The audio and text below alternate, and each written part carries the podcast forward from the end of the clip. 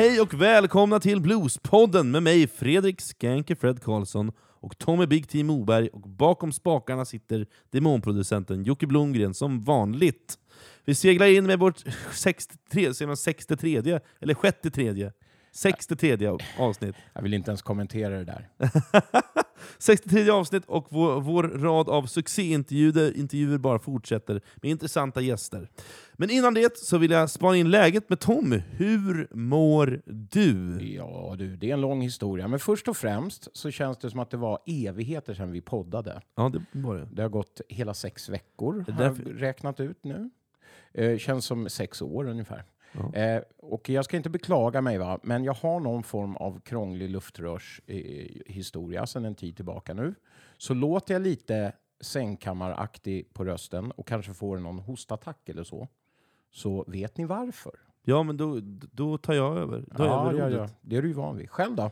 Jo, men jag tycker att jag mår bra.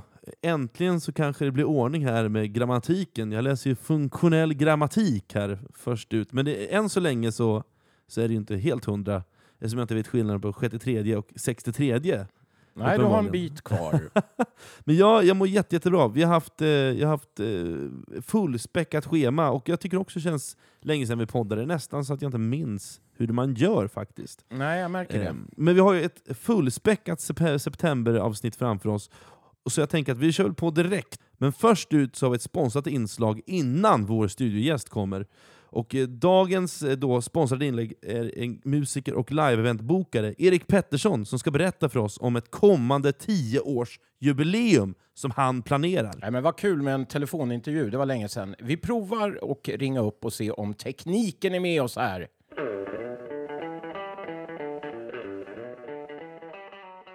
Hej Erik Pettersson och välkommen till Bluespodden. Ja, men stort tack. Vad kul att ni ringer upp.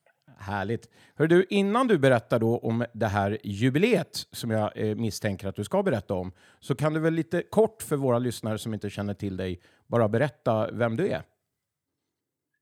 Ja, eh, Erik Pettersson heter jag. Det är en del som känner mig under Erik Möbeln Pettersson. För, eh, dels så spelar jag eh, Hammond eh, i olika sammanhang. Jag tror de flesta inom bluesvärlden känner mig under Top Dogs-konceptet, då, alltså, eh, Top Dogs-gänget. Eh, och sen så eh, ja, jobbar jag som producent, spelar in massa musik tillsammans med musikvänner eh, och sen eh, framför allt då, så bokar jag artister, Jag tar över amerikanska artister till eh, Norden och turnerar med dem. Just det. Och jag tänkte, vi kommer ju prata mer om det, men eftersom vi älskar smeknamn i den här podden, så kan väl du berätta, hur fick du smeknamnet Möbeln? Alltså det där är lite känsligt. Ska vi, ska vi ta upp den eller?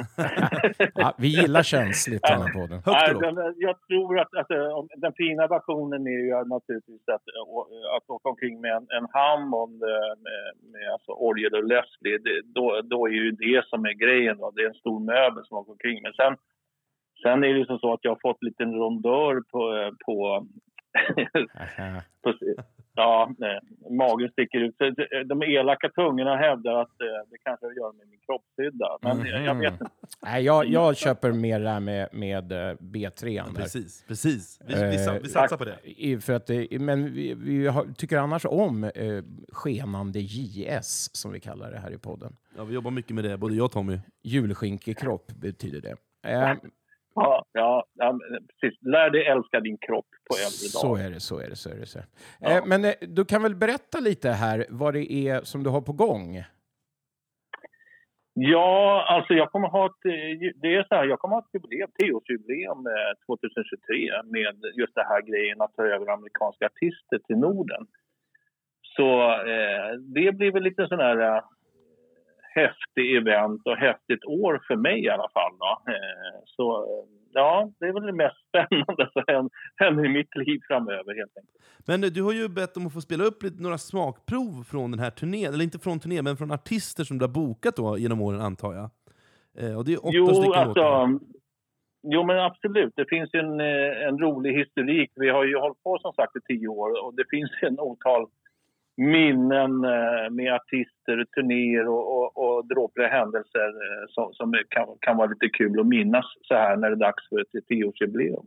Ja, vad kul. Kommer det här vara en, liksom, eh, en enda stor happening eller kommer det här vara en, ett utdraget jubileum med flera olika konserter? Eller? Nej, nej, om man är smart så drar man ju ut på firandet, eller hur? Absolut. ja. Så det här är, det, det kommer eh, vara under ett helt år. Då. Under 2023 så kommer vi eh, att fira det här i olika former. Men eh, och liksom ett tema på det här är att jag älskar de här kvinnliga amerikanska artisterna lite mer än gubbarna då, av olika anledningar som vi kan komma in på. Mm. Men så, så, det blir ett kvinnligt tema. Alltså vi vill ju, jag vill ja, göra en liten manifestation för de kvinnliga amerikanska artisterna, eller kvinnliga artister överhuvudtaget inom bluesvärlden och soulvärlden. Kul! Gud vad roligt. Ja. Men då tänker jag att det första medlet här som vi har klippt ihop med två artister är faktiskt två män då. Eh, eller ja. två, passande nog. Passande nog. Så att det är eh, Reverend Sean Amos and the Brotherhood med låten I need to get loving, och sen andra låten är Otis Clay and Johnny Rawls Only you know and I know. Så jag tänker vi lyssna på det och så får du berätta vad det ja. var för någonting vi hörde. Skittrevligt. Right now. It's all about the blues. I need to get loving right now. Ain't no time for fooling. You got me in your spell. You and me together, the things we'll never tell. I need. To get loving right now.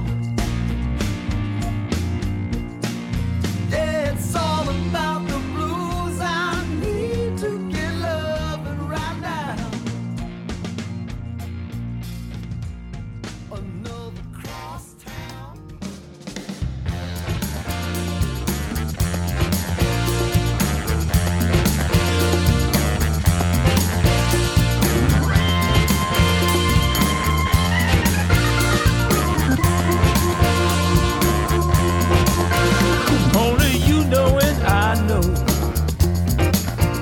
all the love we got to show. So don't refuse to believe it by reading too many meanings. Cause you know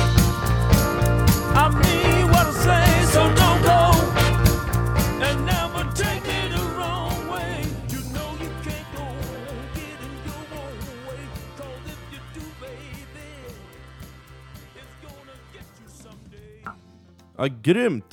Bra drag! Kan inte du berätta lite vad det var vi hörde där, Erik? Jo, alltså om, om vi börjar med, med de här äh, herrarna eh, Johnny Rawls och Otis Clay. Så, så, så, allting började då för tio år sedan med den här gubben Johnny Rawls. Det, det var väl i princip så att eh, jag och mina kompisar i Top Top kom på att fan, ska vi inte bjuda över The Real Thing då från USA? Och, och utan att riktigt veta vad vi gav oss in på så, så tog vi kontakt med ett antal artister då där eh, Johnny Rawls var den faktiskt första som kom över. Och jag ska säga, det, det var nog en jävla tur, för en, en skönare gubbe kunde vi inte önska. För jag, jag kan säga dig, eller det vet ni ju, eh, vissa artister och vissa amerikanska artister har sina later, kanske inte skitenkla att jobba med, men Johnny var ju som en dröm, ska jag säga. Mm. Så skittrevligt att börja med honom. Vi hade ju liksom inga, eh, inget nätverk, inga bra scener, ingenting. Så att han kom hit och, och, och fick göra en riktigt blubbad turné. Och, och, vi började där helt enkelt. Men han var inte ledsen över det. Nej. Kul. Ett proffs så det, så, Ja, ett riktigt jävla proffs. Och, och, och han kunde styra eh, oss som band, vi som var rätt oruttade, med så jävla proffsigt. Och, och fick ut det bästa av oss helt enkelt. Skitbra. Så den, den, varför jag tog med den här låten med att han, han sjöng det med Otis Clay. Han, Otis Clay är ju någon slags i divisionerna över. Och en, en, det var ju som så att eh, vi hade på tapeten att köra båda två och att Otis Clay skulle komma över. Men så gick ju gubben och dog sen, så det var ju lite trist. Ja, det blir ju svårt. Det är kanske en dålig, lite an, dålig anledning till att spela, men ja, det var ett minne i alla fall. Vi hade hoppats på att få över Otis Clay tillsammans Johnny Rawls, så det hade ju varit någonting. Ja, just det. Men, eh, men ska Johnny Rawls komma här nu på ditt tioårsjubileum? Kommer han vid, något, vid någon tidpunkt här under året? Eller? Nej, då är ju bara damer välkomna, vet du. Så Ja, just han det, kommer inte sa. komma. Fan, var... Ja, men Johnny Rawls är absolut välkommen tillbaka. Eh, Han är lite som hand i handske för oss, för att han, han är en soulman också. Jag älskar ju lite mer soulpitchen på blues än, än, än den där traditionella. Men den, men den Eh. första killen här, eh, som vi hörde första klippet här, första låten I- need to get lovin', eh, han har ju jag sett tillsammans med er, alltså Reverend Sean. Ja, och, och vet du Reverend varför jag vill ha med honom? För han ska, han ska väl komma, om inte så lång tid. Ja, om men då, han, han, han kom rätt. ju nu i, i höst redan. Han kom Mm. i oktober 2022, så han, han får egentligen inte vara med på tioårsjubileet. Okej, okej. Så Men, han, han är lite, men jag tänkte att vi skulle ge publiken en liten och lyssnarna en liten smak på honom också. För han kommer turnera runt i, i eh, Sverige under eh, oktober och november. ja, just det. Ja, men det såg jag. Och Och han- eh, han är ju Ja. väldigt trevlig. Han har ju vi intervjuat här för podden. Han eh, satt i mitt eh, hotellrum på, i Östersund och, eh, när ni var där. Ja, men just det. Och, just det. eh, så det var Ja. en fin eh, lång intervju för er som vill kolla upp honom också. Lite närmre. ja, men strålande. Det kommer jag ihåg.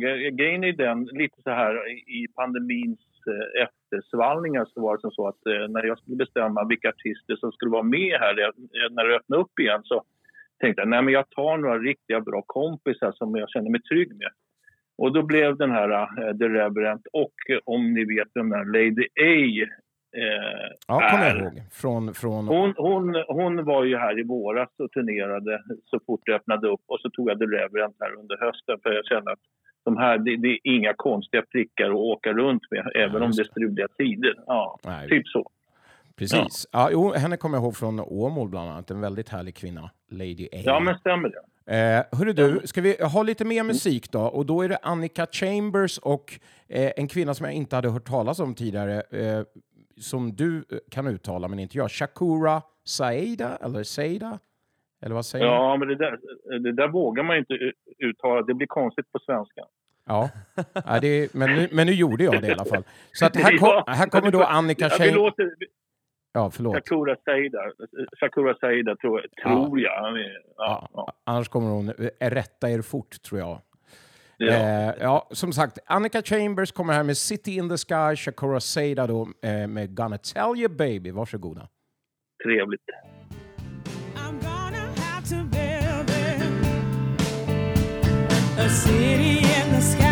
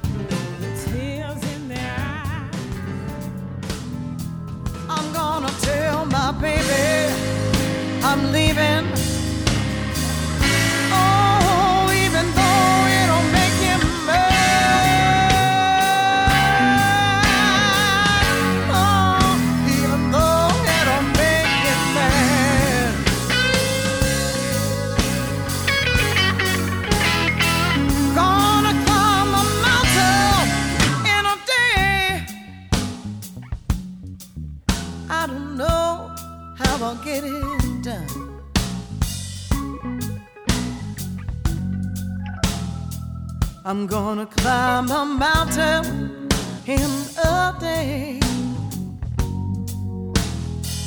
I don't know how I'll get it done.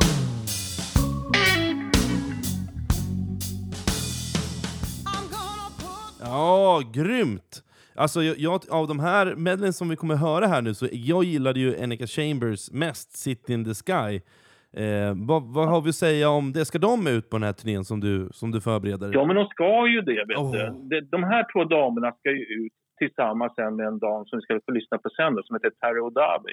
Så det är Mm. tre damer som åker och turnerar samtidigt med mig. Alltså tre amerikanska damer i min turnébuss. Hur Wow. funkar det, Ja. tänker jag, med, med diva-status då? Vad har, vi, vad har vi någon diva-status på de här tre tanterna, tjejerna, kvinnorna? Ja, alltså det är väl så att man, man får väl funderar över det här ganska noga, vem som ska ha sätet längst fram och längst bak helt enkelt. Ja. har, du, har, har du kommit fram till det än? Nej, alltså jag får sondera lite mer. Eh, sen frågan är om jag, om jag ska sitta på en eftersläpande liten eh, ja, ja, Fiat eller sånt där. Jag vet inte hur det blir. Känner de här tre damerna varandra sedan tidigare? Ja, alltså grejen är så här då. Lite tur när, när vi jobbat ett antal eh, år med det här så, så, så blir det ju lite, lite mer lättjobbat. För man behöver inte jaga eh, helt kallt längre utan det blir lite så här man, eh, ordet eh, ja, det går från mun till mun. Då. Och Det, det här är egentligen lite tack vare eh, Lady A. Då. Det är hennes eh, väninnor som hon jobbar mycket med i, i USA. Då. Och Mhm. De jobbar tillsammans. Och de här tjejerna är vana att jobba med tillsammans. Eh, vilket gör det ju oerhört mycket lättare att få ihop en, en show med helt enkelt. Såklart. Har du någonting kul, någon, någon, rolig, någon rolig anekdot kring någon av de här damerna då? Eh, nej, inte de. Jag, jag har sparat lite smaskigheter runt andra dagar. Alltså, eh, de här tjejerna har inte jag rest med. Jag har bara rest med Lady A och hon är alldeles för snäll och glad för att och, och, och, och berätta något tokigheter runt dem. Men eh, de, andra, de andra tjejerna har jag inte rest med. Nej, du får, det- återko- du får återko- återkomma sen ja, när, det, när eh, Ja, det tycker jag. du har lite det turnéminnen. Eh, Ja. Nej, men vad kul. Ja. Eh, bara en grej jag tänkte på, eh, du som bokar eh, band.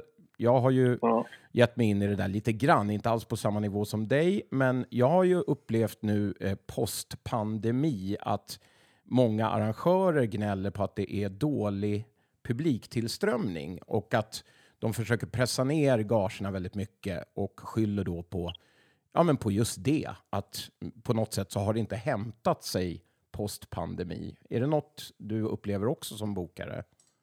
Ja, absolut. absolut.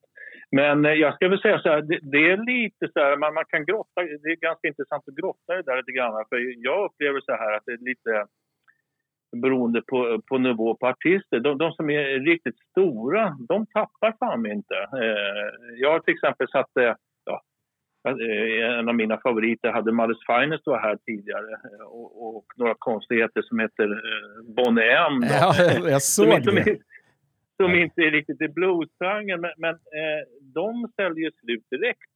Ja. Eh, Vem vill inte Eh, se, men- vem vill inte se Boney M sjunga Daddy Cool? Exakt. Eller Blue. nej, nej, men det, var, det är en liten udda fågel. Men, men den här Madde Spiner för, Spiner för 17, det är ju absolut mina största favoriter. Eh, Mm. Det är ju lite mer funkrock då. Och, och de, de har ju... När de kommer så säljs det slut blixtsnabbt. Så, så, så, så, så där funkar det. Men om man man pratar om våra... och, som vi, vi har gemensamt då med de här bluesföreningarna och, Mm. och den typen av scener. Så ja, absolut. Där är det inte på samma nivå att publiken har hittat tillbaka riktigt än som det var före pandemin. Så där brottas man med, med eh, publikintäkter helt enkelt. Absolut. Mm, mm. Ja, Mm. nej, det var bara något jag, jag eh, funderade på. Hur du, ska vi ha lite mer musik då? då?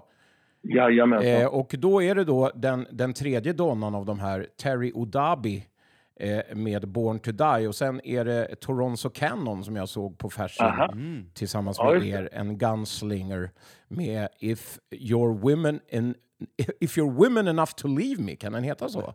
Eller woman enough Woman, måste woman enough. Ja, det är någon fel, feltrycksnisse som har varit framme här. Äh, men eh, låtarna kommer här i alla fall. Ja, tackar.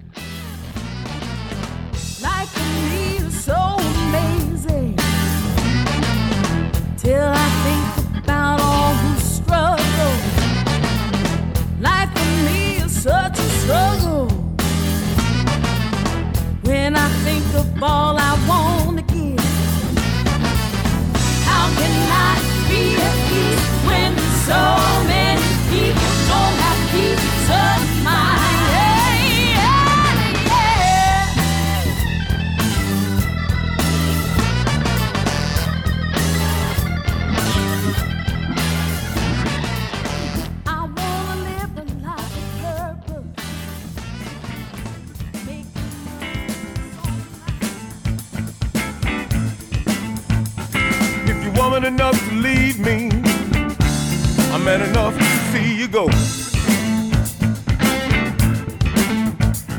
If you're woman enough to leave me, I'm man enough to see you go. Don't touch nothing. Or just walk out of my door. Things got shaky after you said I do. We're two years in, baby, and you ain't the same you. Start a little argument, pick a little fight. Why you gotta get your hair done every other night? If you're woman enough to leave me, I'm man enough to see you go. Ja, där satt den hörru. Eller de, Ja. båda låtarna. Och eh, eh, vad säger du om Terry där? Är det... Jo, men alltså det, grejen är den, det som är lite kul. Eh, jag kan väl säga så här, eh, det som jag har fått, jag har fått mest feedback på henne. Folk känner igen henne mest faktiskt. Okej. Sen kan man väl säga av de, eh, av de här, alltså just av de här tjejerna som ska komma Mm. och, och fira mitt tioårsjubileum. Sen är Shakura Saida, hon, hon är väl den som absolut mest följare och, och lyssnare. Så att, men jag tror inte hon är lika eh, sedd i, i Norden som Terry Dabe. För jag tror Terry Dabe har varit här i, några gånger tidigare i Danmark till exempel. Ja, vad kul! Men- Men, det roliga, jag ska säga att Terry kommer, kommer vara hit på en liten sväng eh, själv. Och det är ju så att eh, Stockholms Bluesförening har, har bokat henne till sen, deras fina arrangemang eh, 13-dagsbluesen.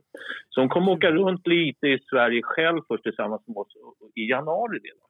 Just det, men jag såg att de, nu är det ju måndag den 19 september som vi spelar in det här.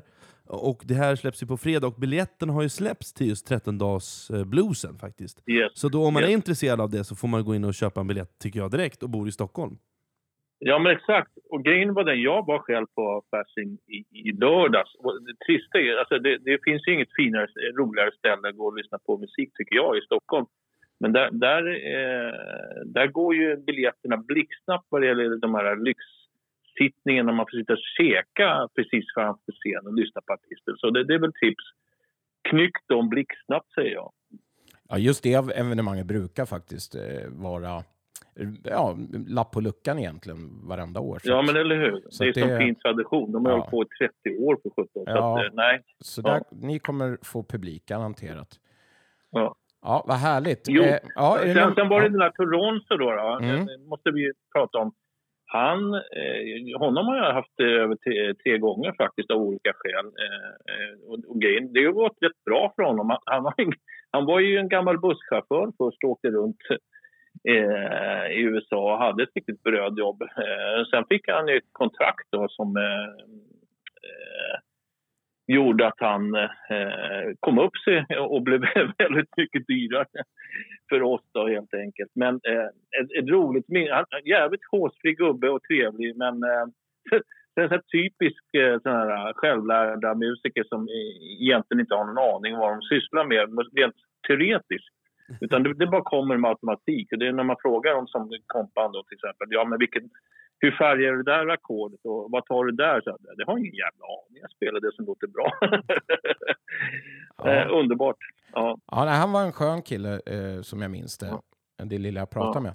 med. Eh, vad trevligt. Men då har vi gått igenom eh, eh, sex artister här av de här som du har eh, haft att göra med och ska ha att göra med. Och då är det två kvar om jag har läst på rätt. Vilket borde vara Larry Garner och Tony Lynn Washington. Båda två rätt så namnkunniga känner jag. Mm, visst.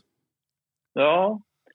Larry Garner eh, har ju gjort en fantastisk låt som vi, vi hade tagit oss an i Top Dogs långt innan den där Chuck Bully, om ni känner till. Mm. Det är väl den låten vi ska spela nu, va, tänker jag. Ja, precis. Ja, den är ju jävligt fräck, så den, den, det tycker jag är en jäkla bra eh, hit helt enkelt. Ja, visst. Eh, ja. Men vi, vi, vi lyssnar ju och så, så kan vi väl prata lite minnen eh, efter vi har lyssnat, tänker jag. Ja, visst. Här kommer eh, både Tony Lynn Washington och Larry Garner. Tackar.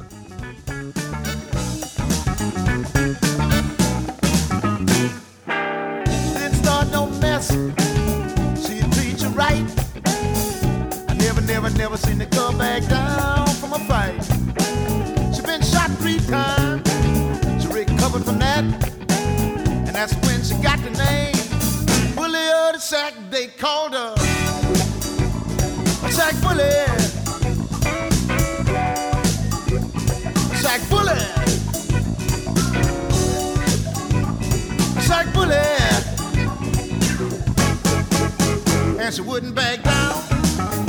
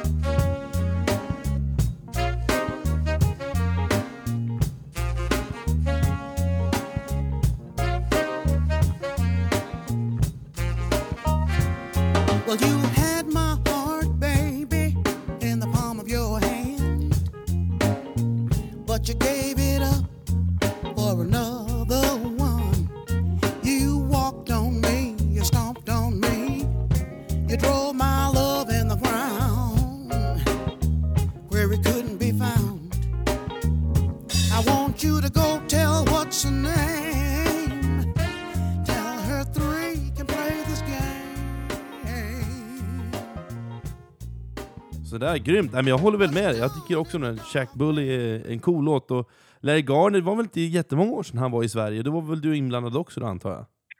Ja, jag är inte helt säker för han har varit här flera gånger. Så grejen är den att han, han, eh, eh, han kom på en turné ut, eh, som inte var i min regi eh, eh, för, för några år sedan. Så jag, eh, nej, eh, det, det har varit det är inte bara jag som har haft min hand över honom kan jag säga. Nej, jag förstår. jag förstår. Men vad, har- vad kan du säga om Tony Lynn Washington då? Three can play Ja, the game var ju låten du hörde. Jag, jag tyckte, ja, jag tyckte bara backa till den där. Ett kul minne var Larry, eh, var en jävligt trevlig prick måste jag säga. Han hade två saker som var lite kul att minnas. Det var att han, han hade med sig egen hemgjord äppelsprit, någon slags konstig kalva.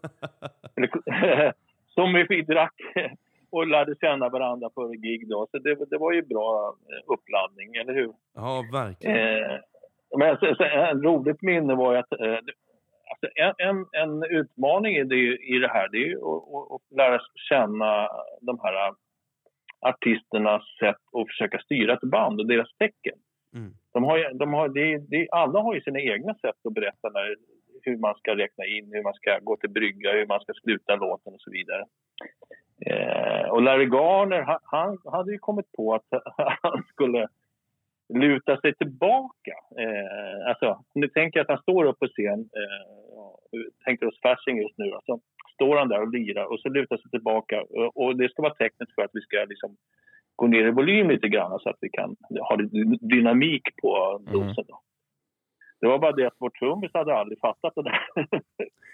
så han spelade ju på stenhårt. Och så, så ser man den här Larry Garner lutar sig mer och mer tillbaka och, och blir mer och mer irriterad utan att någonting händer. Ja, det var faktiskt ett roligt minne från Fasching. Vågar, vågar, du- vågar du outa den här trummisen?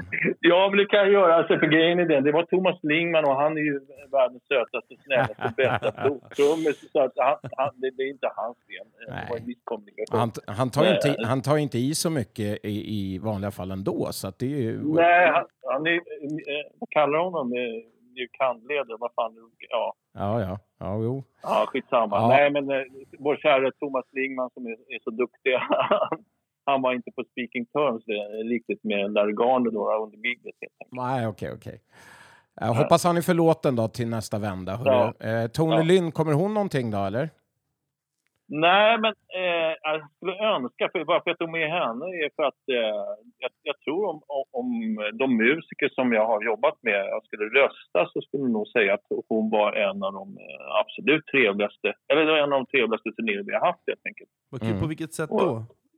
Ja, men för, ett minne är ju det hon, hon är ju, jag tror hon är 85 nu. Alltså, hon var ju redan, eller till och med mer, hon var 80 plus när jag åkte runt med henne. Och, och liksom, det var som en gammal gumma som vi ledde från Arlanda eh, ända till scenen då i princip. Och, och, och, och gick med en käpp och, och, och, och framåtböjd då som eh, gamla, gammelfarmor då. Sen när hon väl kom upp på scen så hände någonting. Det var ju det som var så jäkla häftigt. Helt plötsligt då så bara står hon där och lyser och, och börjar dra igång hela showen. Så det, det var vilket jävla proffs helt enkelt. Ja. Skittrevligt. Och sen sen så gillade vi hennes musik. eh, Lite mer producerad och lite mer soulig. Vi, vi tyckte det var vi, vi tyckte att vi lät bra faktiskt om vi skulle klappa oss själva på axeln. Det, det blev jävligt fint. Ja, vad kul. Men du, du har aldrig funderat på att göra någon skiva med de här artisterna? Ehm, jag, jag Ja, men då alltså- kan jag viska, viska en sak i ditt öra. Det är att... Eh, eh, saken är, när jag ska säga så, jag har haft lite eh, tur nu att eh, till det här jubileet så är, vi, har vi fått stöd av Kulturrådet till exempel och lite sponsrade. Så ekonomin stöttas upp lite grann förutom den här eh, sviktande biljettförsäljningen. Och i det här så ligger det en, eh, ett stöd som jag söker för att även göra en skiva tillsammans med de här tre amerikanska damerna. Jag är inte riktigt i hamn än, men det hade ju varit en jäkla dröm, tänker jag. För jag, jag, jag tycker så här. De, eh, tjejerna där borta som är uppfödda i amerikanska kyrkan och, och gospeln har ju otroliga piper, tycker jag. Och ett, ett eh, fantastiskt ja, idiom för det här med att tolka blues och soul. Men de kanske inte är så jävla duktiga på, på att producera skivor. Och då tycker jag faktiskt svensk tradition är lite, lite bättre i det. Mm. Så summa kardemumma eh, skulle ju vara en våta drömmen att eh, man gjorde det bästa av, av de här två världarna. Att eh, de här fina stämmorna från amerikanska tjejerna i en svensk produktion. Det skulle Absolut. vara något och det, det är det jag jobbar för. Så att, eh, jag är inte riktigt hemma med det där än. Men får jag som du vill så, så, så Fredrik, ja. Då kommer jag kunna skryta om en skiva sen om ett år. Fan vad kul! Oh, men du, Ja, nu när vi börjar närma oss slutet här och lyssna på alla snuttar och sådär, var kan man se den här 10-årsjubileumsturnén då? Och hur får man tag i Ja, plåtar? alltså... Eh, jag tror det, eh, vi lägger upp... Det, det finns en, en, en, em, Facebook-sida som heter From the Soul Club. Eh, och där lägger vi upp alla turnéplaner och lite så här, ja, allt material och, och all biljettförsäljning eh, som kommer komma till nästa år. Så där är nog det smartaste. Alltså Facebook och From the Soul Club, där ser man det mesta. Ja, vad kul! Okej. Men eh, eh, då får vi väl tacka för att eh, du ville vara med och berätta om det här. Ja, men stort tack själva. Fantastiskt roligt och jag hoppas att ni kommer vara med på festen någonstans i Sverige, i Stockholm eller var vi nu... Vi, vi möts säkert där ute. Ja, absolut. Vi kanske spelar på samma eh, event någonstans. Och är jag ledig Ja. själv så kommer jag självklart här i Stockholm. Ja, absolut. Jag instämmer. Ja, underbart. Det vore underbart. jättekul. Och vi rekommenderar alla Ja. våra lyssnare såklart att eh, Ja. köpa upp sig på biljetter. Ja, exakt. Gå och stötta jag- livemusik nu. Stötta From the Soul. Ja, 10-årsjubileumet. tack snälla. Halleluja! Tack snälla. Jag, får, får jag säga avslutningsvis då, för det glömde jag. Den här, när de här tre damerna kommer så ska vi spela på Fasching också. Det är faktiskt Stockholms Bluesförening som har köpt den akten, akten för Stockholm också. Så det är, om jag kommer ihåg rätt, eh, 19 eller 20 april. Ja, ja, det kan ni titta upp på, på Facebook-sidan. Mm. Ja, men grymt. Mm. Ja, men härligt Erik. Eh, tack Hörni. för pratstunden. Ja, jättekul hörni. Stort tack för att ni ringde och ville prata med mig. Ja, tack själv. Tack då Erik. Nöjet är vårt. Ha det bra. Ja, ha det bra. Hej, hej. Ja, som sagt gott folk så har vi ju ännu en spännande intervju framför oss. Och vår gäst har nu kommit hit. Har du lust att presentera? Ja, det har jag! Ja, dagens gäst är grundare till musikkollektivet Ladies Got the Blues och en av sångerskorna i Jenny Boman Roots Review. Men framförallt frontpersonen i bandet Ida Bang and the Blue Tears. Hon blandar souldoftande låtar med stenhård blues och rock'n'roll och beskrivs ofta som en av stjärnorna i vår genre. Vi säger stort välkommen till Bluespodden Ida Bang! Hey! Ja, våra underbara ljudeffekter. Ja, Tack ska ni ha. kul att du har det här. Ja, Äntligen. äntligen. Hur mår du idag? Jag mår bra idag. Hur mår ni idag? Ja, det är helt okej faktiskt. Ja, Ja. Vi, har, vi, vi körde sån tidigare, kollade läget, så vi säger Ja. vi mår bra. Ja, vi drar inte den en gång till. Nej. Vi brukar alltid börja våra intervjuer med hur startade din, din resa Ida? Vilken resa. Nej. Musikaliska. Den musikaliska. Ehm, hur startade den? Alltså allra första, första liksom Ja, startskottet. Så vi tar det från början, början. Okej. Jag är ganska liten. Jag tror att jag är kanske sex, sju år. Um, är på en släktfest. Jag har en ganska stor släkt. Vi var uppe då hos min faster Mådan i Dalarna. Och eh, så ville jag uppträda för jag gillade att dansa och sjunga. Jag gjorde det mycket framför spegeln och sådär när jag var liten. Så då eh, dansade jag till en Five-låt som var väldigt populär då. Den här Everybody get up singing. Ja. Ja. Och den hade jag en dans till. Och eh, då minns jag att de blev helt galna. De hissade mig och grejer. Det ki- killade det mycket i magen, du vet, när man kastar sig upp i luften så här. Och eh, efter det så var min mamma smart nog att sätta mig på en eh, danskurs. Så då började jag dansa på fritiden. Och eh, efter det så hittade, eller min danslärare tyckte att jag skulle söka till Kulturama grundskolan. Eh, hon hade varit med och startat den. Och eh, så då sökte jag dit. Och då kom jag in där, så där gick jag femman till nian. Okej, alltså är det för oss som inte vet och för mig som är lantis? Ja. Betyder det, det är någon musik, estetisk grundskola då med fokus på musik? Ja, precis. Eh, Den heter Kulturama musikdramatiska grundskola. I alla fall hette den det då. Mm. Och eh, då är det är typ musikal, alltså dans, sång och teater Okej, ja. och musik. Ehm, och sen så då in till åttan så fick man välja ett av de här ämnena som man eh, skulle få ha en extra lektion av. Och då valde jag musik. Så då hade liksom, från att jag älskade att dansa och också sjunga och sådär, uppträda. Men sen så började musiken ta över. Jag ville liksom spela i band och började spela trummor och gitarr och kunde så här grunderna i allting. Och, ja, hade ett, eh, jag hade ett band med mina tjejkompisar där och vi, bara vi hade en kvartsrast så bara sprang vi till musikläraren och bara kan vi få nyckeln till musikrummet? Och bara sprang in och spelade Mando Diao-låtar typ. Var det mycket kvarsittning då för du kom för sent? Nej, jag, jag skötte mig rätt bra i skolan. Det var ingen fara. Jag fick ju hålla på med det här också, liksom, Ja. skoltid. Så, att, så att det har inte varit någon fara. Lyxigt hade ni några gig då också med det första bandet. Och vad hette ni?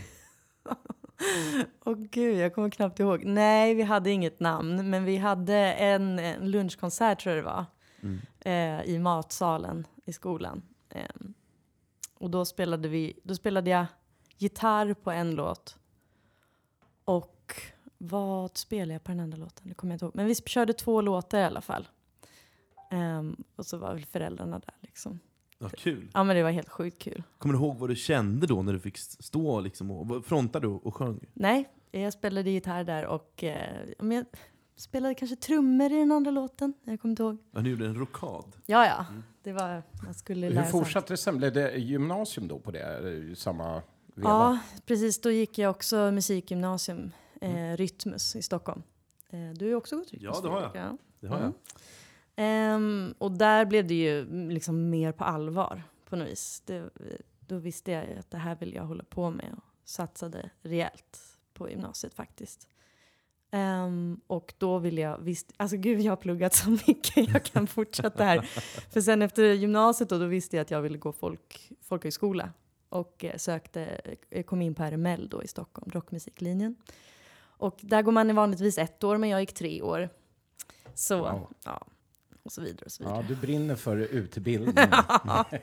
kan man väl säga. Eh, Så min fråga då som egentligen löd när du liksom bestämde musik ska det bli. Liksom. Jag, Mm. jag ska inte ha 9 to 5 jobb utan jag ska jobba med musik. Det var då runt den svängen liksom. Ja, alltså det, det var väl typ när jag bestämde att jag ville ha musik, extra musik i, i åttan där. Ja, okej. Mm. Eh, ja, för då, då var jag riktigt mål, målmedveten att jag skulle komma in på, Mm. på just Rytmus också på gymnasiet. Då? Du är inte det nu längre menar du? jo. jag, jag menar väl det, du är jättemålinriktad. Men vilka var dina influenser då när du liksom började sen på, på allvar? På den tiden? Mm.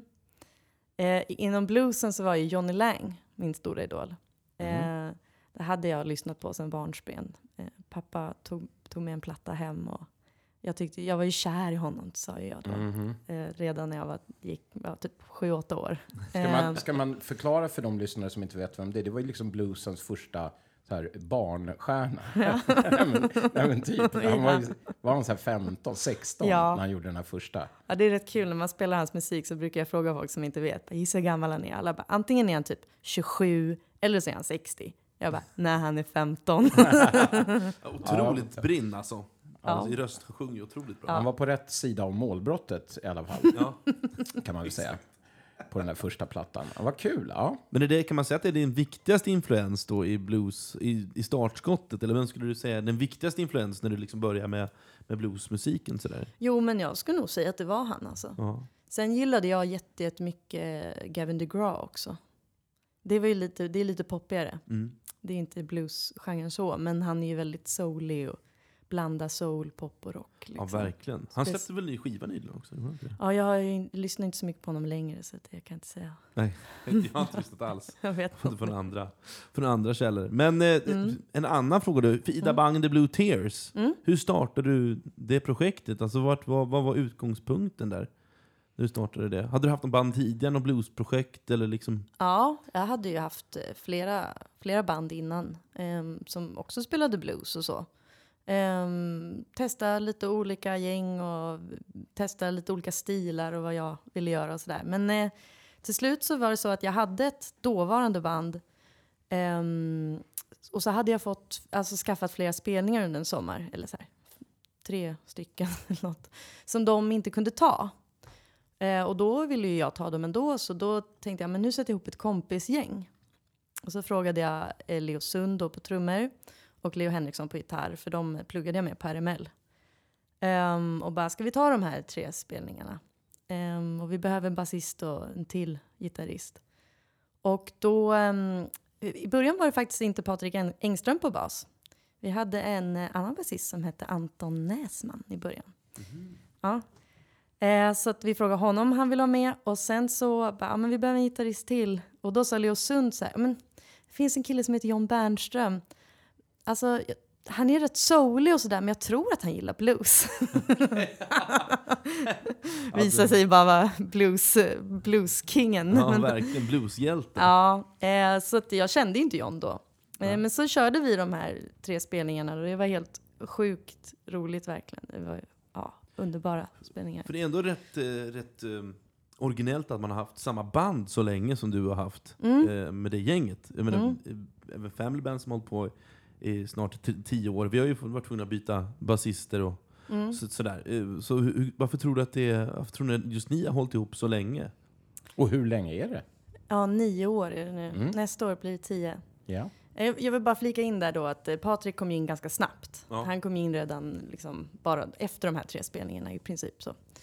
Ehm, så han har ju verkligen också varit med från start. Nej men jag tror mycket är ju att vi är verkligen ett kompisgäng. Alltså, det, jag är väldigt stolt över att när, när jag berättar hur vi startade, att här, jag frågar ett gäng kompisar.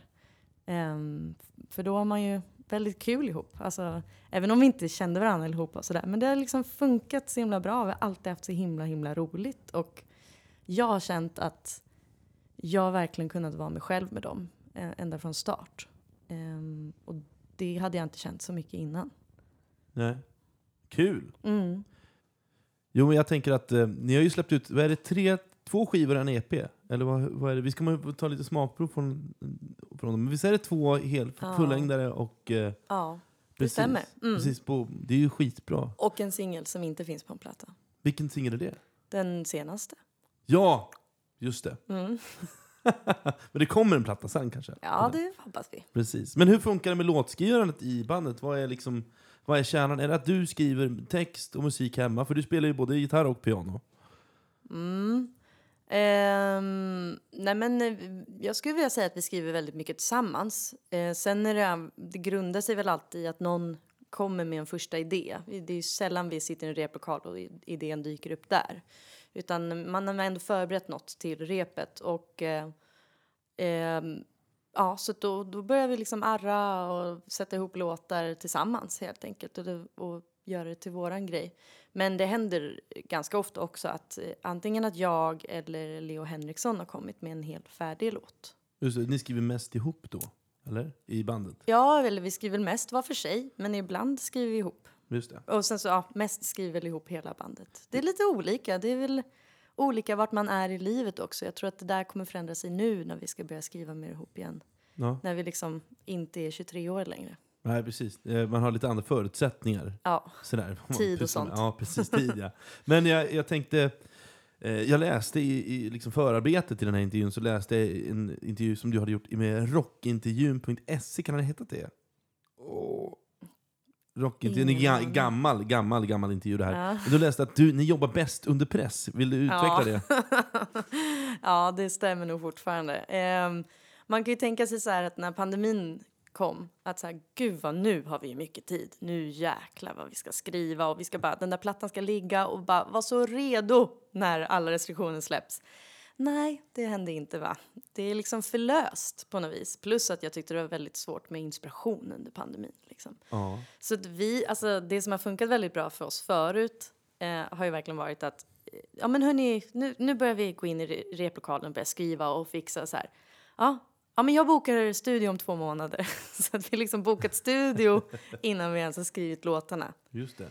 Men hur, vad, hur, kan du utveckla hur det går till då? Alltså blir det, känns det som att det, det bultande hjärtat där börjar gå igång? Vad ska vi göra? Alltså finns, det ingen, finns det någonting eh, jobbigt i det också? Eller är det bara fridfullt då när man satt studiedatumet och liksom ska gå in i studion, och, eller i replokalen, nu ska vi skriva låtar? Alltså, ja, det är väl ganska mycket panik tror jag. Nej men alltså så där så funkar jag med, med ganska mycket i livet tror jag. Att Ja. så här, man behöver en deadline, man behöver liksom ja, men, ett, ett tydligt mål. Alltså då måste vi vara klara. Det är, nu är det skarpt läge. ja. Ehm, och då kan man inte heller hålla på och vela så himla mycket. Man tar väldigt snabba kreativa beslut och beslut kring text och allting. Annars kan ju man ju hålla på hur länge som helst och vara gud är det här töntigt? Kan jag verkligen säga I love you liksom?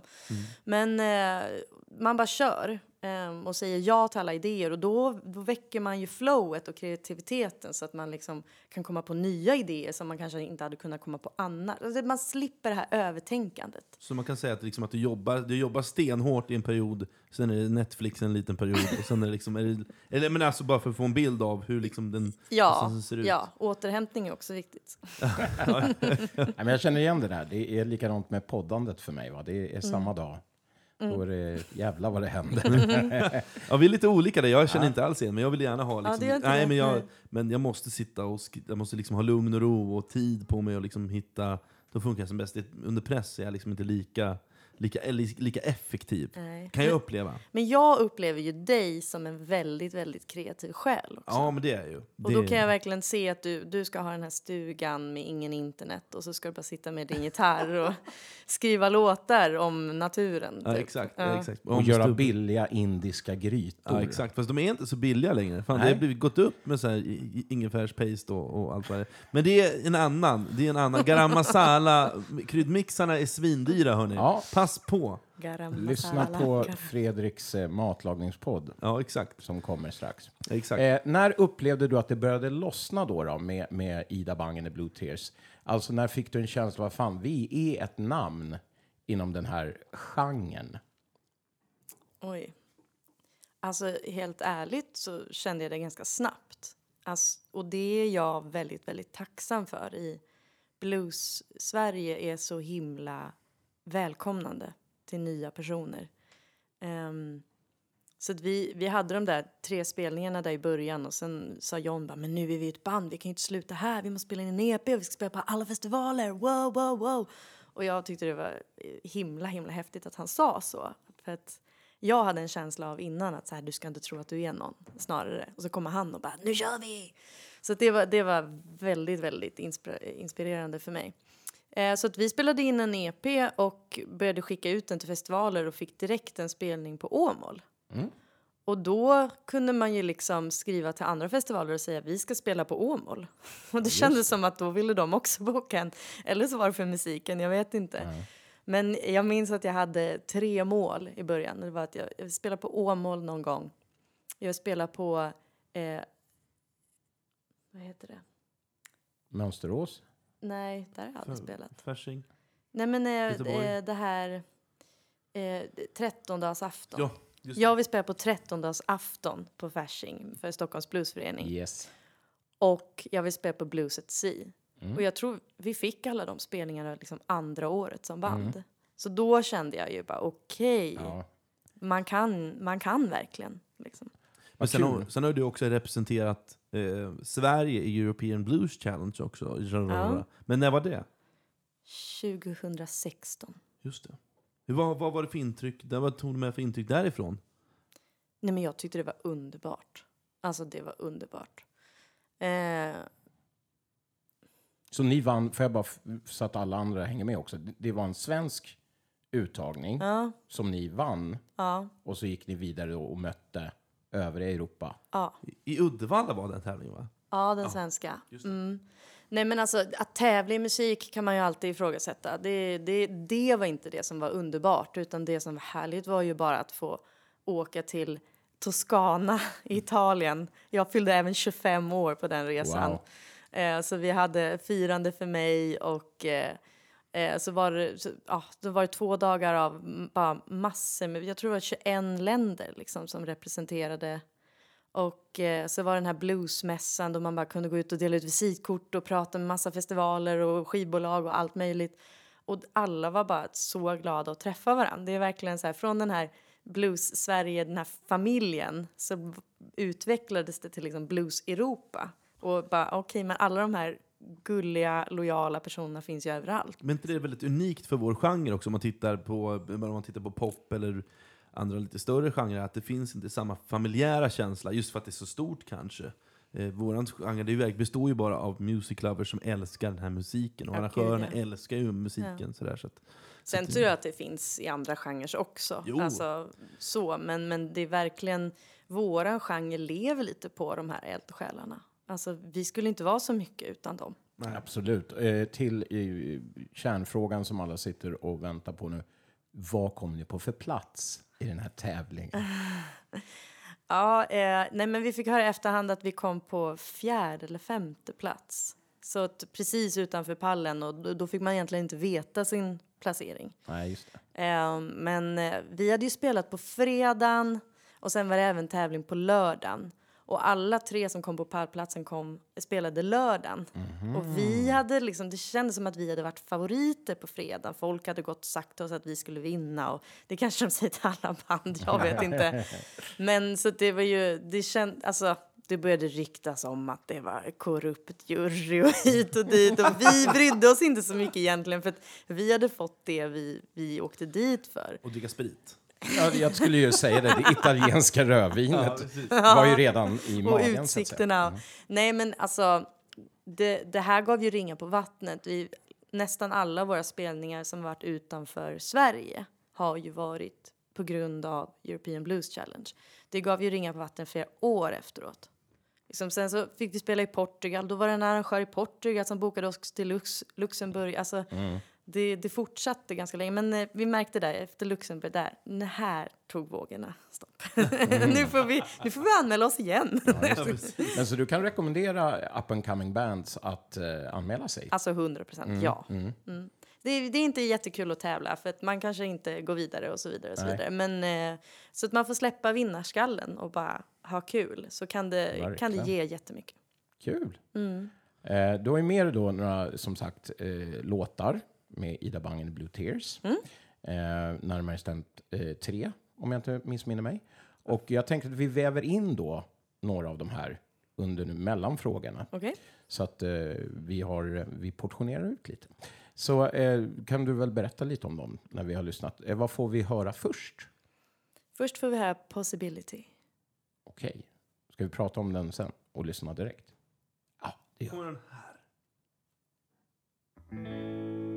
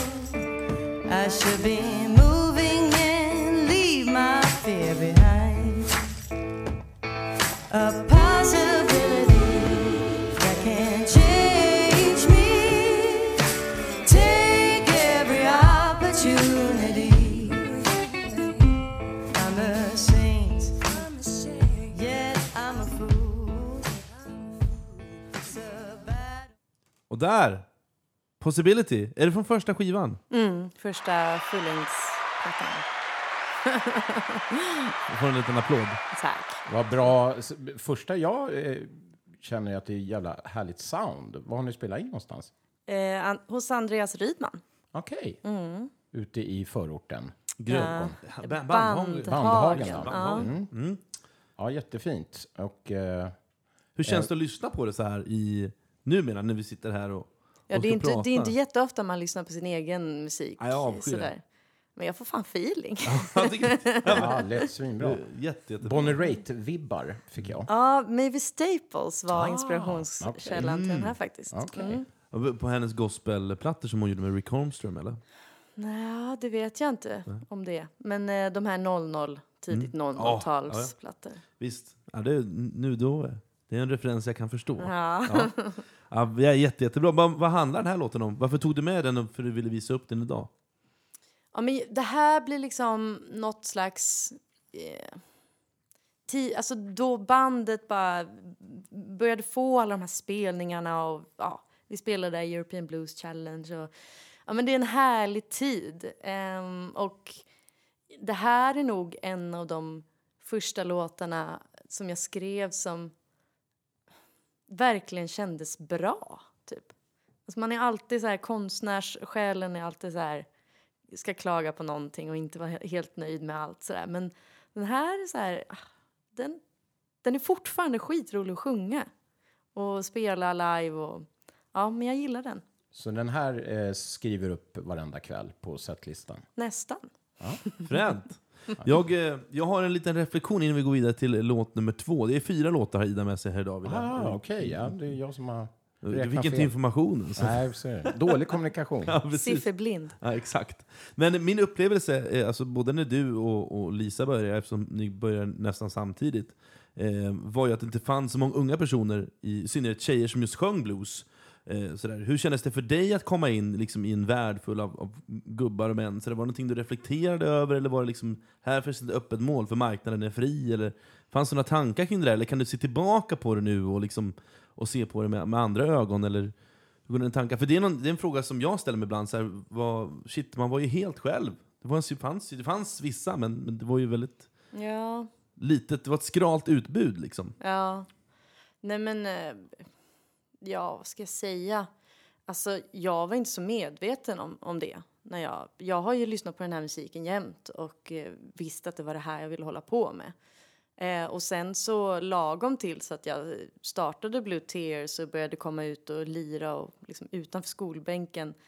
Eh, I samma veva upptäckte jag ju att Lisa var ju där och gjorde samma resa. Lisa Lystam och du Fredrik och så här. Vi lärde ju känna varandra direkt. Så jag vet inte om jag känt mig så ensam. Nej, det kanske, man kanske inte gjorde det. Men ja, för vi var ju väldigt få som gjorde det. Gud ja, men vi har ju tyckt ju om varandra från start. Ja, precis. Vi gjorde ju det. Vi delade ju skåp tillsammans. ja, det gjorde vi.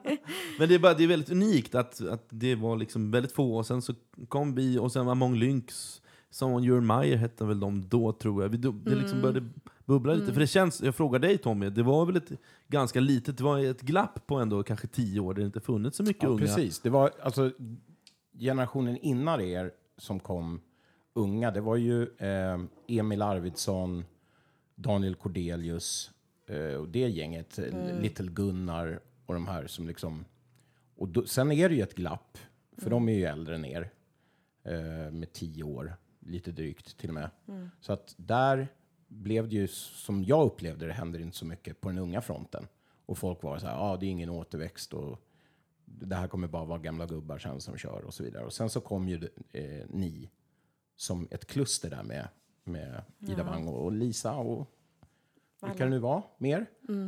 Ja, Så du- att, eh, ja, och sen så eh, återigen där så har det gått några år och så nu, pang bom, så är det ju ett, ett jättegäng som går på jammen och är väldigt unga. Mm. Så det är skitkul. Så Det- nu är det dags för nästa. Det är liksom tio år emellan Ja, varje, det varje är, kurs. ja, men det är lite så. Tioårscykler. Synd om de där mitt emellan. De- Vilka ska de hänga med?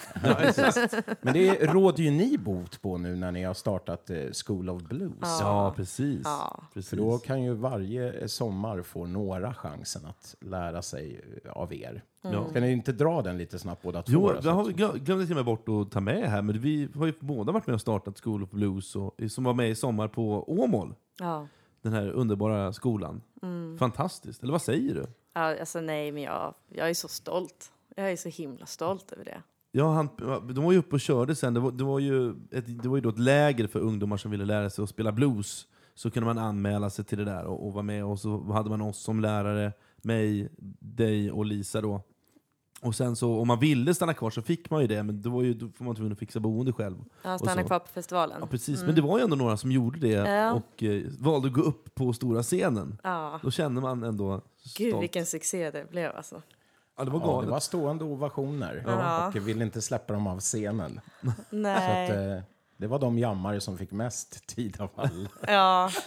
Och Lisa, Fredrik, jag och Terje då som var rektor. Vi stod ju där med tårar i ögonen och kände oss som deras föräldrar. Vi har känt dem i två dagar typ. Alltså, nej men det var, det var så häftigt. Och, ja, jag hopp, vi kommer ju antagligen träffa dem igen. Ja, Jag känner de, mig- vi, det, det ryktas ju om, jag pratade med Agneta för inte så länge sedan, att det, de vill ju fortsätta med det. Mm. Så att jag hoppas att vi kör nästa år igen. Ja, det måste vi. Ja, jag, tycker vi, jag tycker vi satsar på det. Mm. Och de som fick uppleva det här, alltså jag som stod utanför då var en del av det här eh, bluesjammet då som de gick upp på. De här som fick, era elever då, fick uppleva det här, de kommer ju inte att sluta med det här, utan snarare tvärtom.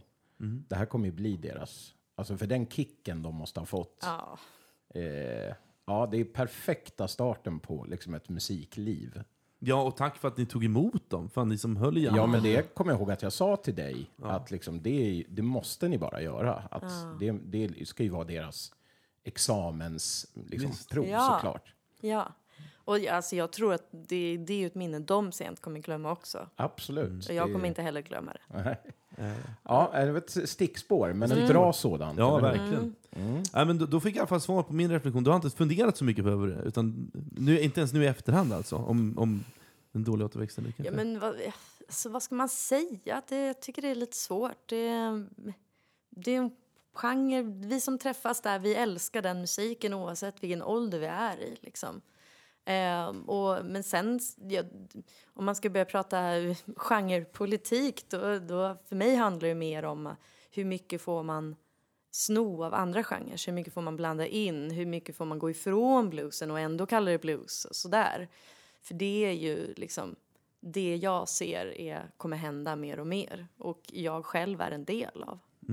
Sådär. Men, Och eh, svaret är väl rätt mycket får man gå ifrån. Det har jag och- Fredrik haft beef som här. Vad Ja. får man kalla Får man kalla vad som helst för blues och så Mm, vidare? Så det där är en ständig diskussion som vi kanske inte ska ta igen. Nej, men det kom, vi, kommer, vi kanske kommer snodda på den lite senare här. Absolut. Men jag tänker att vi slänger oss in eh, nu till nästa låt tycker Ja, jag, med Ida ja. Bang and the Blue Tears. Och då är det ju, du har några, några här att välja mellan. Vilken, vilken vill du visa för oss? Vilken nästa låt som du vill visa? Då tar vi Forgive Me. Då kommer den här.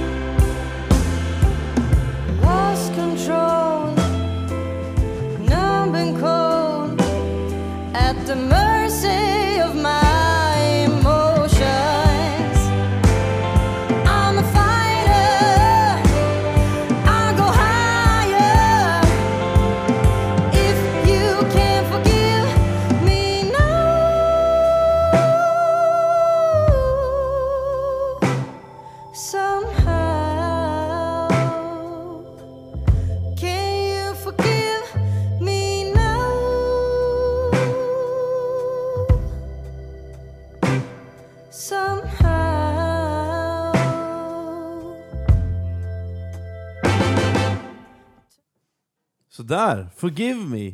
Ja. Från den senaste skivan. Ja. Jag kommer ihåg, eh, en liten, vi hade ju med den här i podden eh, och recenserade den. ja, det minns jag. Ja, och eh, jag kommer inte ihåg vilket avsnitt det var, men jag tycker fortfarande att det är oerhört eh, kaxigt att öppna med en ballad på skivan. Ja, är det där första låten? Ja, första spåret. Oj, oj, oj, ja, ja. Kan du berätta lite vad den handlar om? Det är ju väldigt, väldigt fin text på den här. Eh, Tack.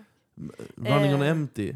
Ja, nej men eh, det handlar väl då om ett eh, förhållande som går i kras. Och eh, det som händer precis efteråt då, att man kan vara väldigt styrd av sina känslor. Vara väldigt mycket i affekt. Och man kanske gör och säger väldigt dumma saker. Och så vill man då be om ursäkt för det och gå starkare ur det hela. Mm. Ja, jag tror det är väl en igenkänningsfaktor vi alla, alla fyra här inne kan ta i hand på. Att så är det verkligen så det är. Ja. Man beter sig illa. Men hur kom det sig att ni valde den här som första spår? Liksom?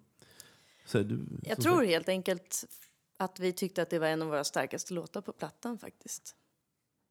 Eh, Bara så kort.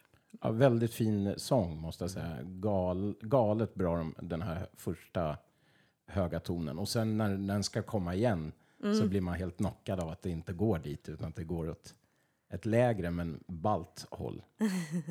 eh, jag vet inte om det gjorde no, make no sense det jag säger, men du förstår jag förstår kanske. vad du menar. Ja, så att eh, stort, stort beröm för sången. Och du sjunger liksom helt... Det känns inte som det är någon vibrato, utan du bara liksom har en rak, knivskarp liksom stämma. Som jag diggar att du inte håller på och väver ut det så mycket med.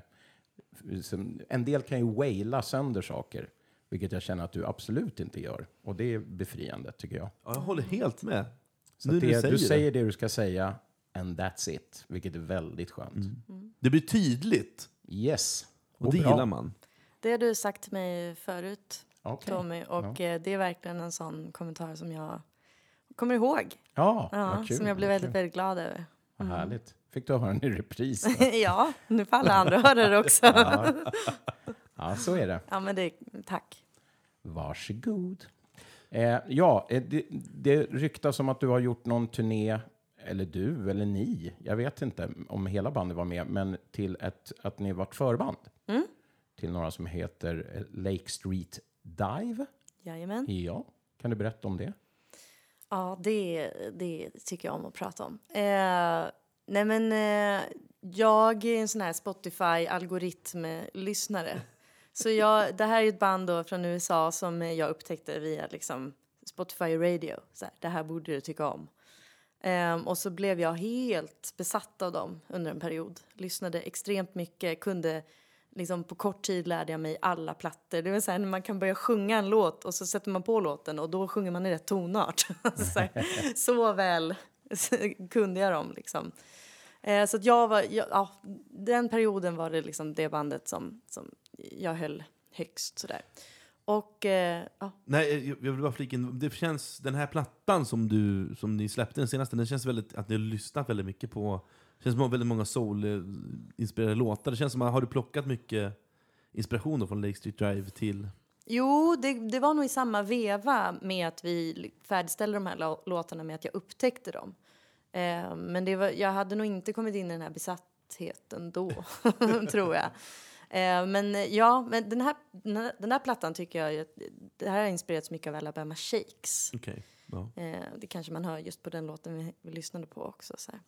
Förlåt, tillbaka till förbands... Ja, eh, Lake Street Dive. Eh, nej, men jag lyssnade väldigt mycket på dem och så såg jag att de äntligen skulle ha en Europaturné. De skulle tyvärr inte komma till Sverige då, men de skulle till Köpenhamn och jag är halvdansk så då köpte jag biljett direkt dit och skulle se dem med min mamma.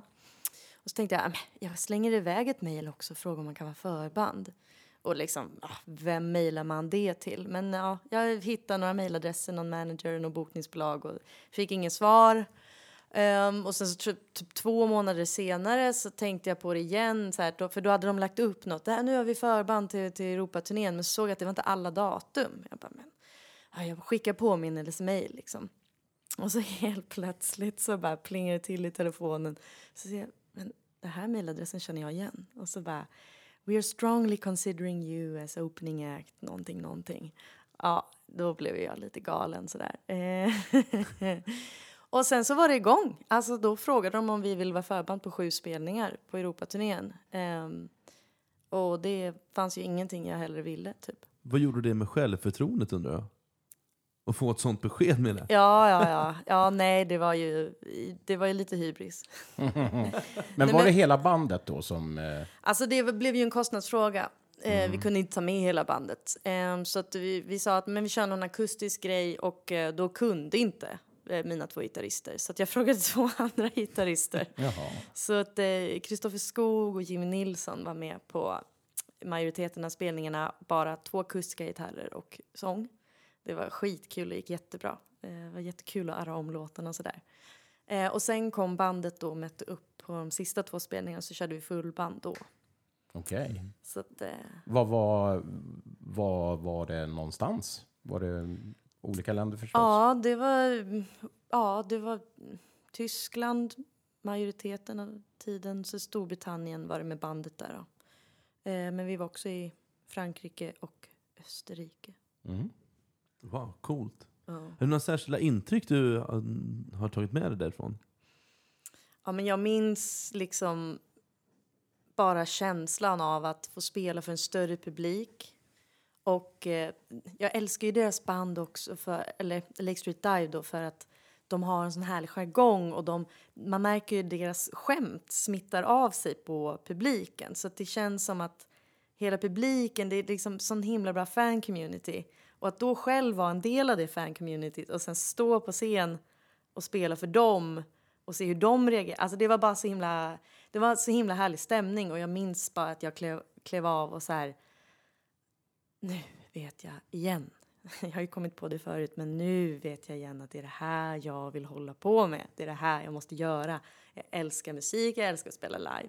Så den känslan var bara så himla, himla stark under den turnén. Och de de eh, tittade på era spelningar och sådär? Då- Och ni hängde? Ja, Lite lite, lite, halvt. Men Ja, alltså ja. så himla trevligt band, verkligen. mm. Ja.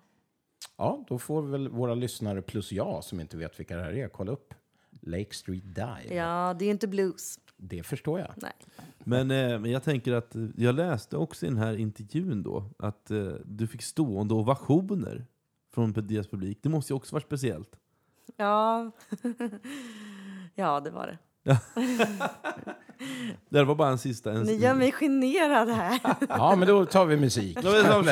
Smetar vi över det här. Vilken, vilken låt vill du spela nu då? Så snabbt över. Everlasting friend. Kommer den här. Också från skivan Good to me.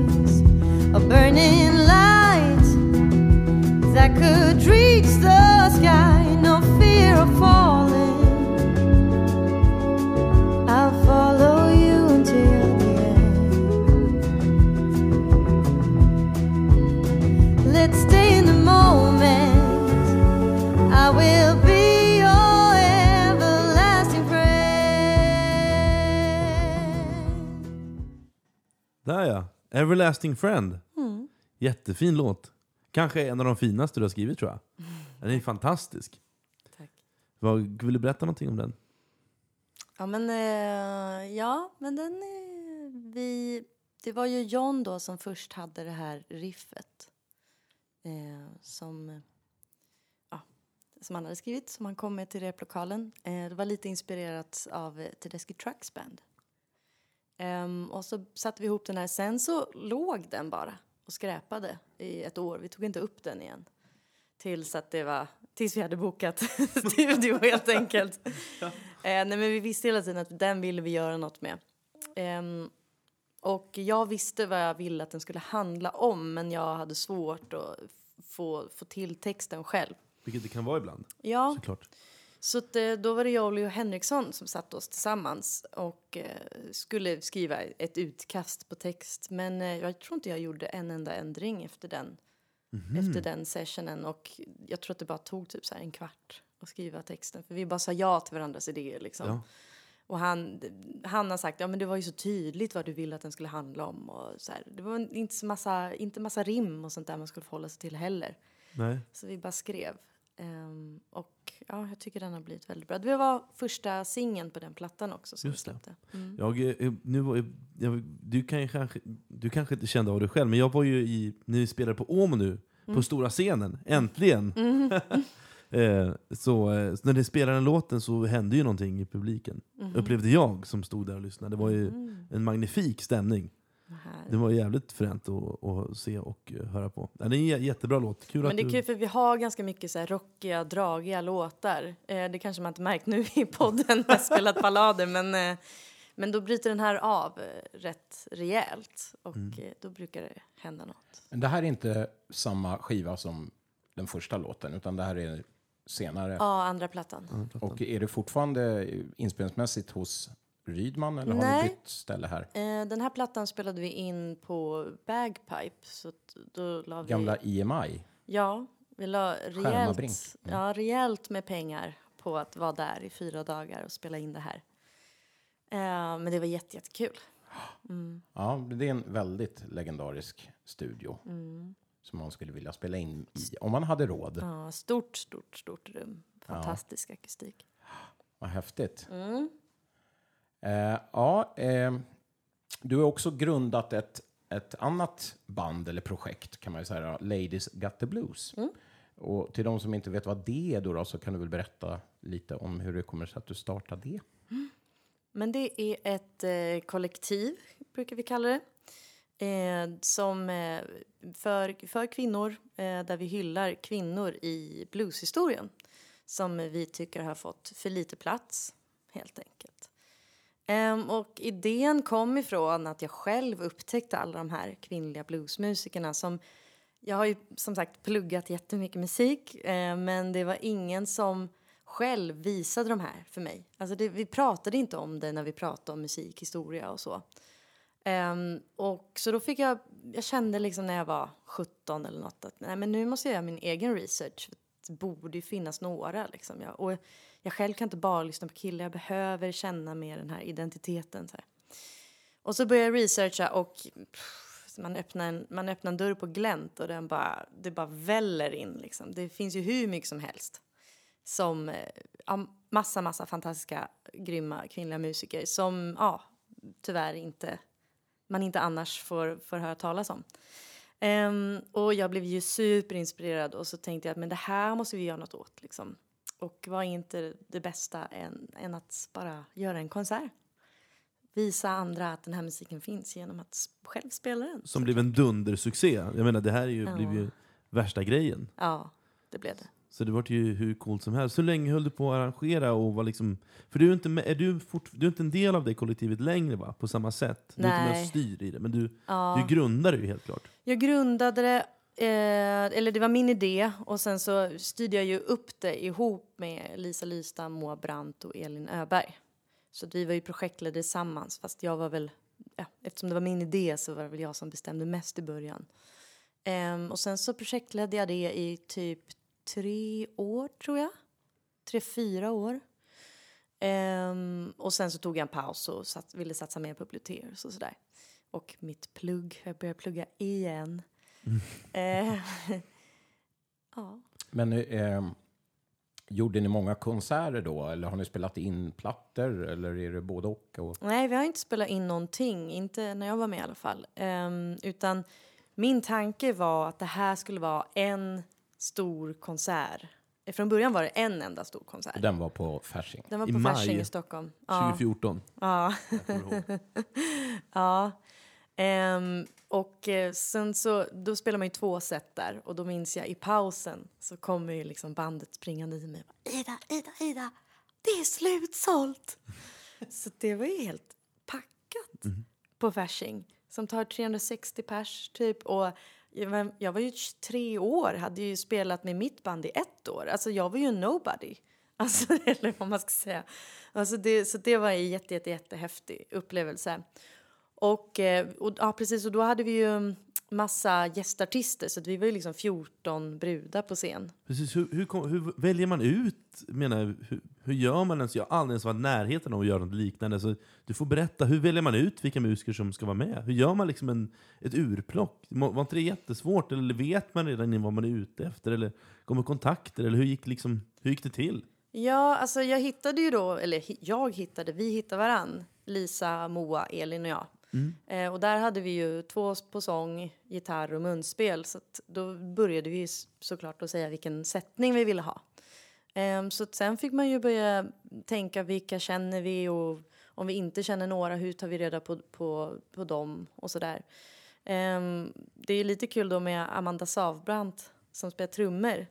Henne kände vi ju inte alls innan. Så att, eh, jag, jag, först fick jag ju leta efter kvinnliga trummisar och sen så när jag fick några namn då ville jag ju veta om de gillade blues eller inte. Gillar du att spela shuffle? Alltså Ja. sådär. Så att hon och jag chattade lite och hon fick skicka lite klipp och så och hon var jättetaggad på, på idén, projektet. Liksom. Vilka, vilka hade ni det året? Kommer du ihåg vilka som var med? Mm. Så gäster och musiker? Och... Amanda på trummor. Eh, så skulle det vara Tove Brandt på, på kontrabas och elbas. Men eh, hon, jag tror hon fick en skada så att bara sen några dagar innan fick vi ta in en ny basist.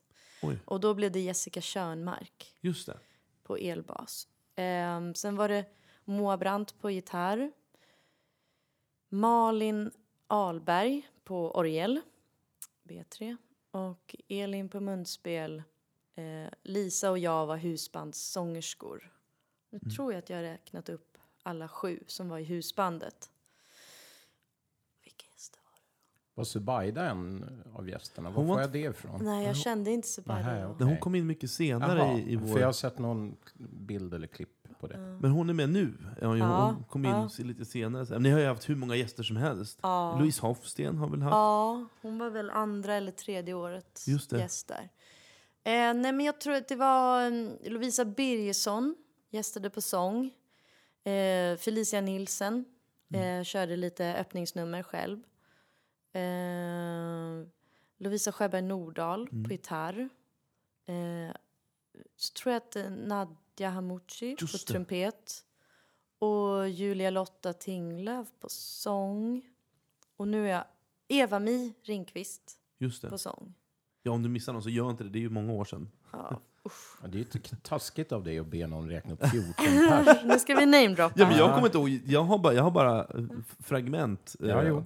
det var Ni får räkna sen och har Ja. jag glömt någon så... Så får vi ta upp det. Men det, jag tror ingen klandrar dig, så att säga. Men vad, vad, vad har det här projektet... Jo, jo, jag kom på Hanna Svensson Vem är det? på sång. Nej, hon kanske var med året efter. Ja, ja, Ja, det, det är omöjligt. Det är skitsamma. Ni har haft väldigt, väldigt många gäster och väldigt hög kvalitet. Alltså, det har varit otroligt bra. Och jag har även haft Elin Larsson, Bluespills, Mm. Tove Gustafsson och det, hur många som helst. Och nu är det här liksom, hur den känslan för dig är. Men du, har, du startade en gång en konsert som nu är ett musikkollektiv och turnerar runt och liksom är fortfarande aktivt. Och liksom, hur känns det? För det måste, varit, det måste vara väldigt speciellt och härligt och liksom att bara någonting får leva vidare som har varit Ja, grundat. Liksom. det är också alltid väldigt känslomässigt att hoppa av projekt som man har liksom varit en så stor del av. Såklart. Eh, men jag är ju jätteglad över att de fortsätter. Det är jättehäftigt. Det är ju det. Ja. Det måste, vara, måste kännas jättecoolt. Och tanken med också att det är ett kollektiv är ju att mm, det kan, det kan vara tre personer i Göteborg som bara, men vi vill göra någonting som hyllar kvinnliga bluesmusiker, men då kan ju vi kalla oss Ladies Got the Blues. Ja, men då kanske man bara ska skriva och kolla att det är okej. Och sen så, det ska liksom bara få växa. Det ska inte vara eh, fast på vilka musiker det är, utan det ska bara det är att man hyllar kvinnliga bluesmusiker och gör Precis. något för historieskrivningen. Och nu, så, det kan ju bli en institution det här. Men jag kommer ihåg, alltså, alltså det är också en här lite reflekterande fråga som jag kommer ihåg, ehm, som jag vill plocka upp, och det är en lite större diskussion som jag vill att vi alla, en spaning så att säga. För jag kommer ihåg, antingen var det andra eller tredje året, det var en kvinna som hörde av sig eh, och skrev in att, eh, att du eller ni höll på med kulturell appropriering. Kommer du ihåg det? Jo, det Ja. glömmer jag inte. Precis, att, att, antagligen för att hon själv inte var inbjuden, det tror jag är då den primära källan för att hon var musiker också, men det var ju för att ni inte hade en enda svart eller färgad och liksom hänvisade till liksom den, den amerikansk, afroamerikanska kulturen. Eh, och vi som känner dig vet ju självfallet att du inte tänkte i de banorna, att du skulle sno någonting eller liksom att det var att du, du ville bjuda in dina polare och liksom sådär. Men det var ju rätt länge sedan, men kommer du ihåg hur dina tankar gick när, du, när det här evenemanget blev anklagat för det här? Eller alltså, Får jag bara förtydliga, eller för mig själv. Alltså ni blev, eh, fick kritik för att det inte var någon färgad person med i kollektivet? Mm. Okej. Ja, så nu förstår jag. Okej. Och frågan var då eh, hur dina tankar gick när ni blev anklagade för detta. Men det här tycker jag är ganska komplicerat. Det är kom- jättekomplicerat. Eh, för att jag blev ju superarg. ehm, och tyckte det var extremt orättvist att vi som liksom gör någonting för hi- historieskrivningen och tar det kvinnliga perspektivet, då måste vi liksom ta, ta hänsyn till alla perspektiv. Eh, det tyckte jag var väldigt provocerande. För det är ju ingen som, som kritiserar om det är ett gäng, förlåt, men vita gubbar som står och hyllar Jimi Hendrix på en scen. De får ju inget klagomål, eller vad jag vet i alla fall. Um, så, så först tyckte jag att det var väldigt orättvist och blev väldigt arg och försvarade oss. Men det har ju varit ett wake-up call. Jag har tänkt mycket, mycket mer på bluesens, liksom, vem får hålla på med blues? Hur, hur välkomnande är det? Och liksom, vad betyder det och innebörd och allt sånt där. Det, varför jag tog upp det, eh, för att det kan man ju undra varför jag plockar upp det så här många år efteråt. Men det är ju just att vi håller på med en genre där vi liksom måste någonstans låna från den afroamerikanska kulturen. Och, jag menar, de, jag menar, kolla på Peps, han fick ju jättemycket åsikter när han åkte dit och sådär. Eh, på 60-talet. Men finns det en gräns? Eh, hur mycket får man låna innan det blir då kulturell appropriering så att säga? Alltså vad... Finns det någon gräns? Alltså innan man kan kalla det att man snor någonting? Eller liksom vad, är, vad är viktigt att tänka på, tänker jag? Men jag, jag känner att det vi gjorde, det var att vi verkligen hyllade svarta kvinnliga bluesmusiker som annars inte fick synas. Så jag tycker, jag tycker fortfarande att det är fel att kritisera oss. Mm, det tyckte jag, tycker jag också. Ja. Men, men sen så finns det absolut en gräns för, alltså om vi bara... Jag, tycker det är svårt när man pratar om blues på något vis. för att när, man, när jag läser liksom citat från mina idoler och det, det, här var ju något som hände för länge sedan egentligen från första början. Det var, började ju väl med Elvis liksom. Alltså han tjänade ju enorma pengar på svart musik. Och då fick man inte lyssna på svart musik. Ehm, och sådär. Så att eh, jag känner att den där diskussionen den, den finns i olika tider beroende på vil, inom vilket ämne det är. Och inom bluesmusiken då, då är den passerad. Så det är det jag landar lite i. Men sen finns det väl andra exempel. Justin Bieber som spelar liksom latin-inspirerad musik utan att visa någon hänsyn eller liksom credda sina, där det kommer ifrån. Liksom. Just det. Man, man, man bryr sig liksom inte Nej, om man- arvet, så att säga. Ja, om man bara tar musiken för att liksom, ja men det här är nice. Det är lite blåögt och naivt. Men, men om man tar det, det här är nice, allihopa lyssna på var jag fått inspirationen. Det då tycker jag det blir en annan sak. Nej, jag kan verkligen i- i- menar, i- skriva under på den Mm. saken faktiskt. Jag tycker det är viktigt att man är, hela tiden visar vart man plockar musiken ifrån och är väldigt tydlig med att, att det här är liksom en gammal tradition så att Mm. säga. Eh, Och man försöker hitta sin egen röst i det Mm. där. Eh, Men det är också väldigt viktigt att man fattar historien och att Mm. man liksom vet vem man själv är, hur mycket privilegier, privilegier man själv har i det hela och sådär. Så att, ja, ja, det är knepigt tycker jag. Ja, den, är, den, den är ju speciell den här genren med tanke på det på något sätt. Det blir ju... Så jag kan tycka jazz kommer ju från samma Mm. håll och jag känner inte att den... De riskerar nog inte att få den kritiken Nej. på samma sätt. Så att det är lite, kan vara lite orättvist mot bluesen på det sättet. Men den, det är speciellt, jag håller med om det. Men jag tror att vi är bra på det, eller jag tycker vi är bra på det i Sverige, att hylla och peka åt var, var vi har tagit ifrån och så vidare. Och jag har också haft en sån här diskussion med en, en, en eh, afroamerikansk artist som bor här i Stockholm som upplevde att han kände sig exkluderad från våra bluesjam. Och då kände jag mig också väldigt påhoppad och arg liksom. Och eh, sa ju det att, ja, men herregud, varenda gång jag ens har sett dig i dörröppningen så har jag liksom skrikit kom, kom upp på scen och vad kul att du är här och så vidare. Men han kände ändå att det var, det var inte för honom liksom på något sätt. Nej. Då blir man ju liksom, då känner man ju att man har misslyckats på något sätt, att man känner sig ledsen då. Men eh, då förklarade jag bara varför, ja, men varför jag gör det och försökte förklara så ärligt jag kunde liksom att jag vet att jag inte har kanske på fötterna musikaliskt alla gånger, men jag måste få göra det här. För jag tycker så jävla mycket om det. Jag mår så bra av att göra det, så att jag bara måste få göra det här. Är det okej liksom, för dig att jag gör det?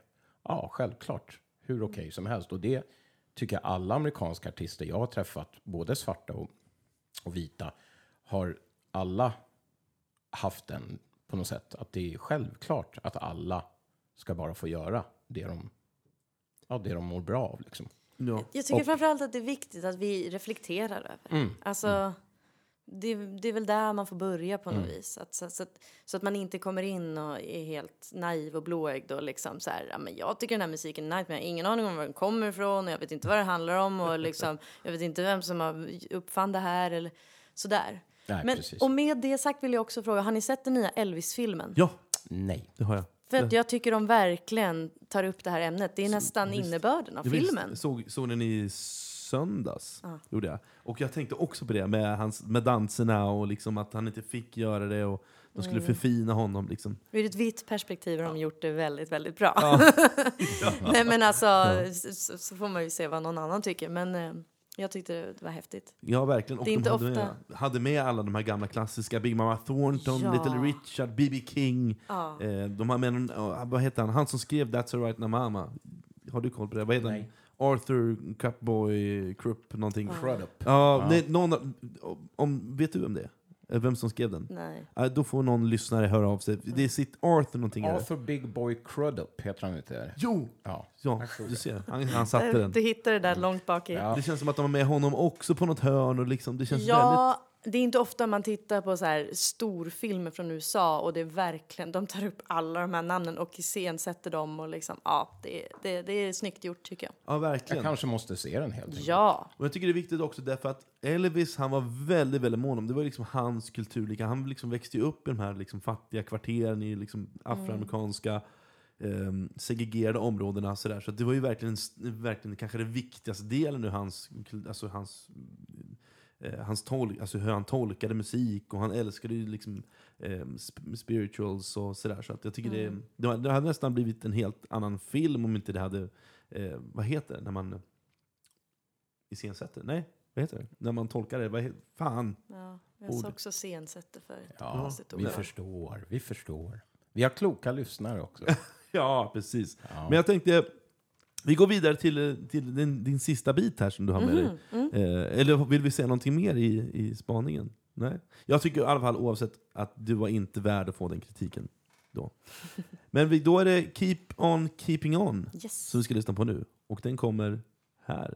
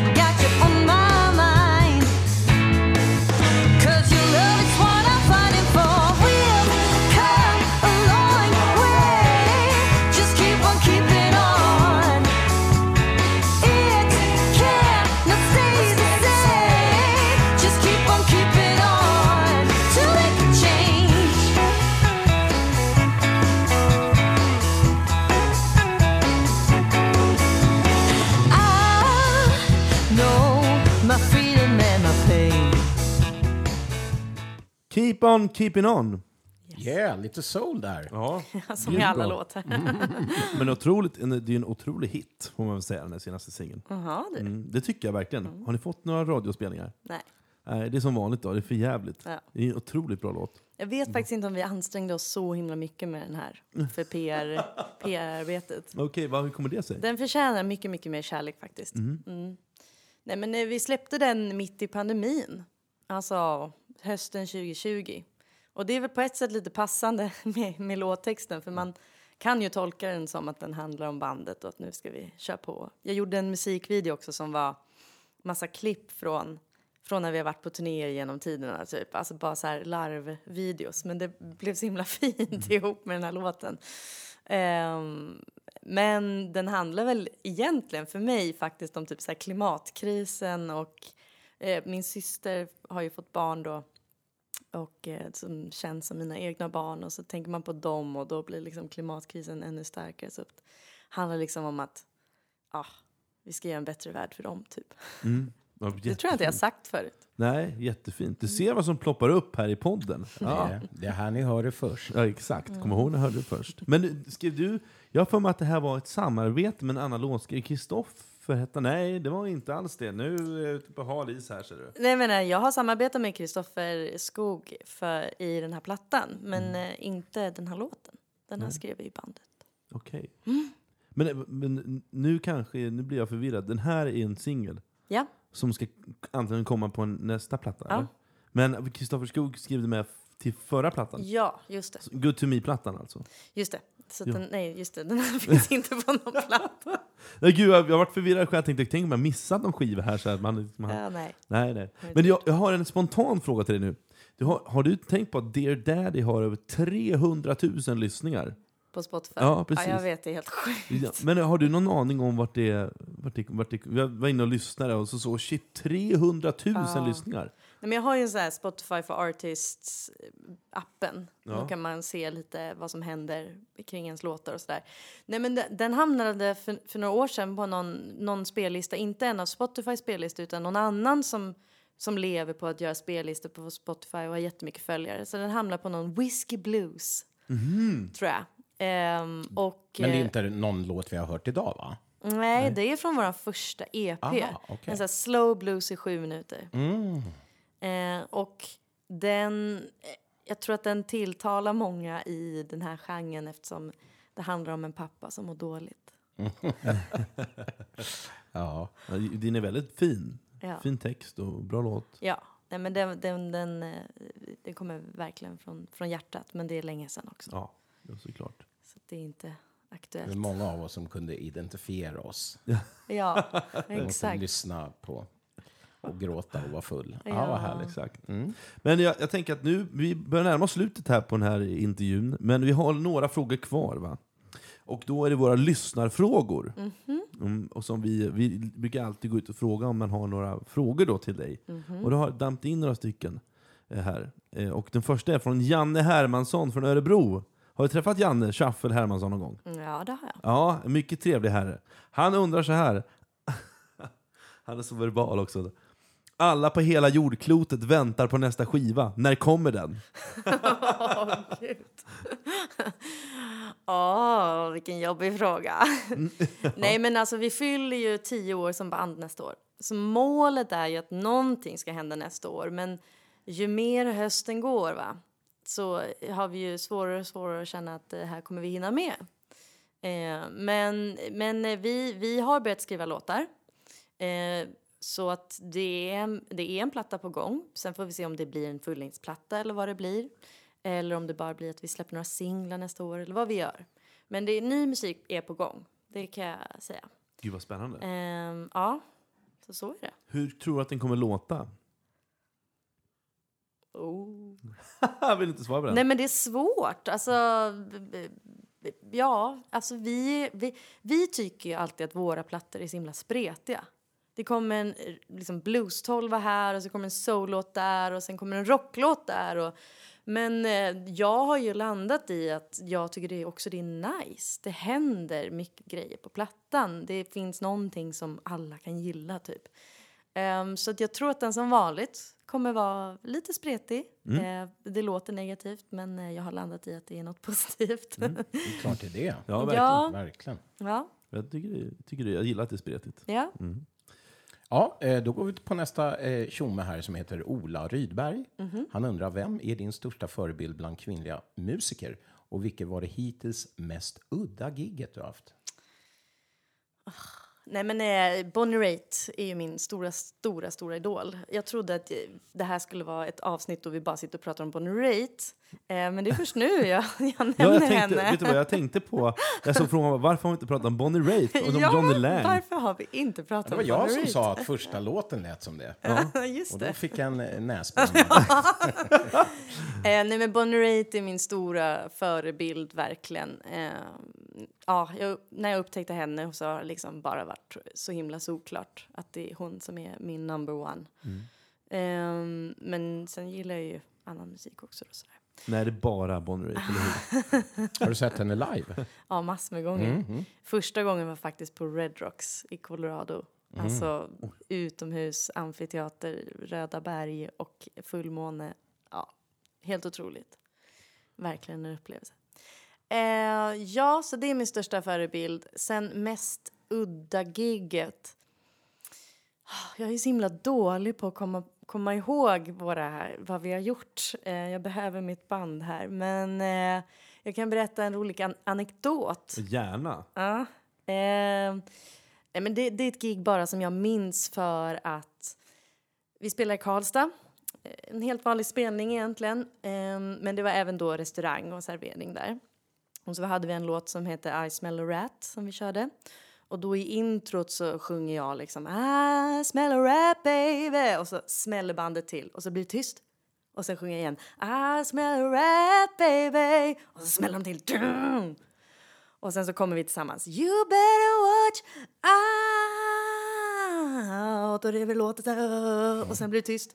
Innan jag sjunger upp takten så här. I smell a rat baby. Och låten kommer igång. Och så vet ni hur det kan bli så här när det är jättemycket ljud och så blir det plötsligt tyst om man själv är i en publik. Man sitter och pratar med någon och så försöker man överrösta musiken och så, så blir det plötsligt tvärt slut så att man märker hur man sitter och skriker. Och då är det någon då där, you better watch out, som säger, en cheesecake tack!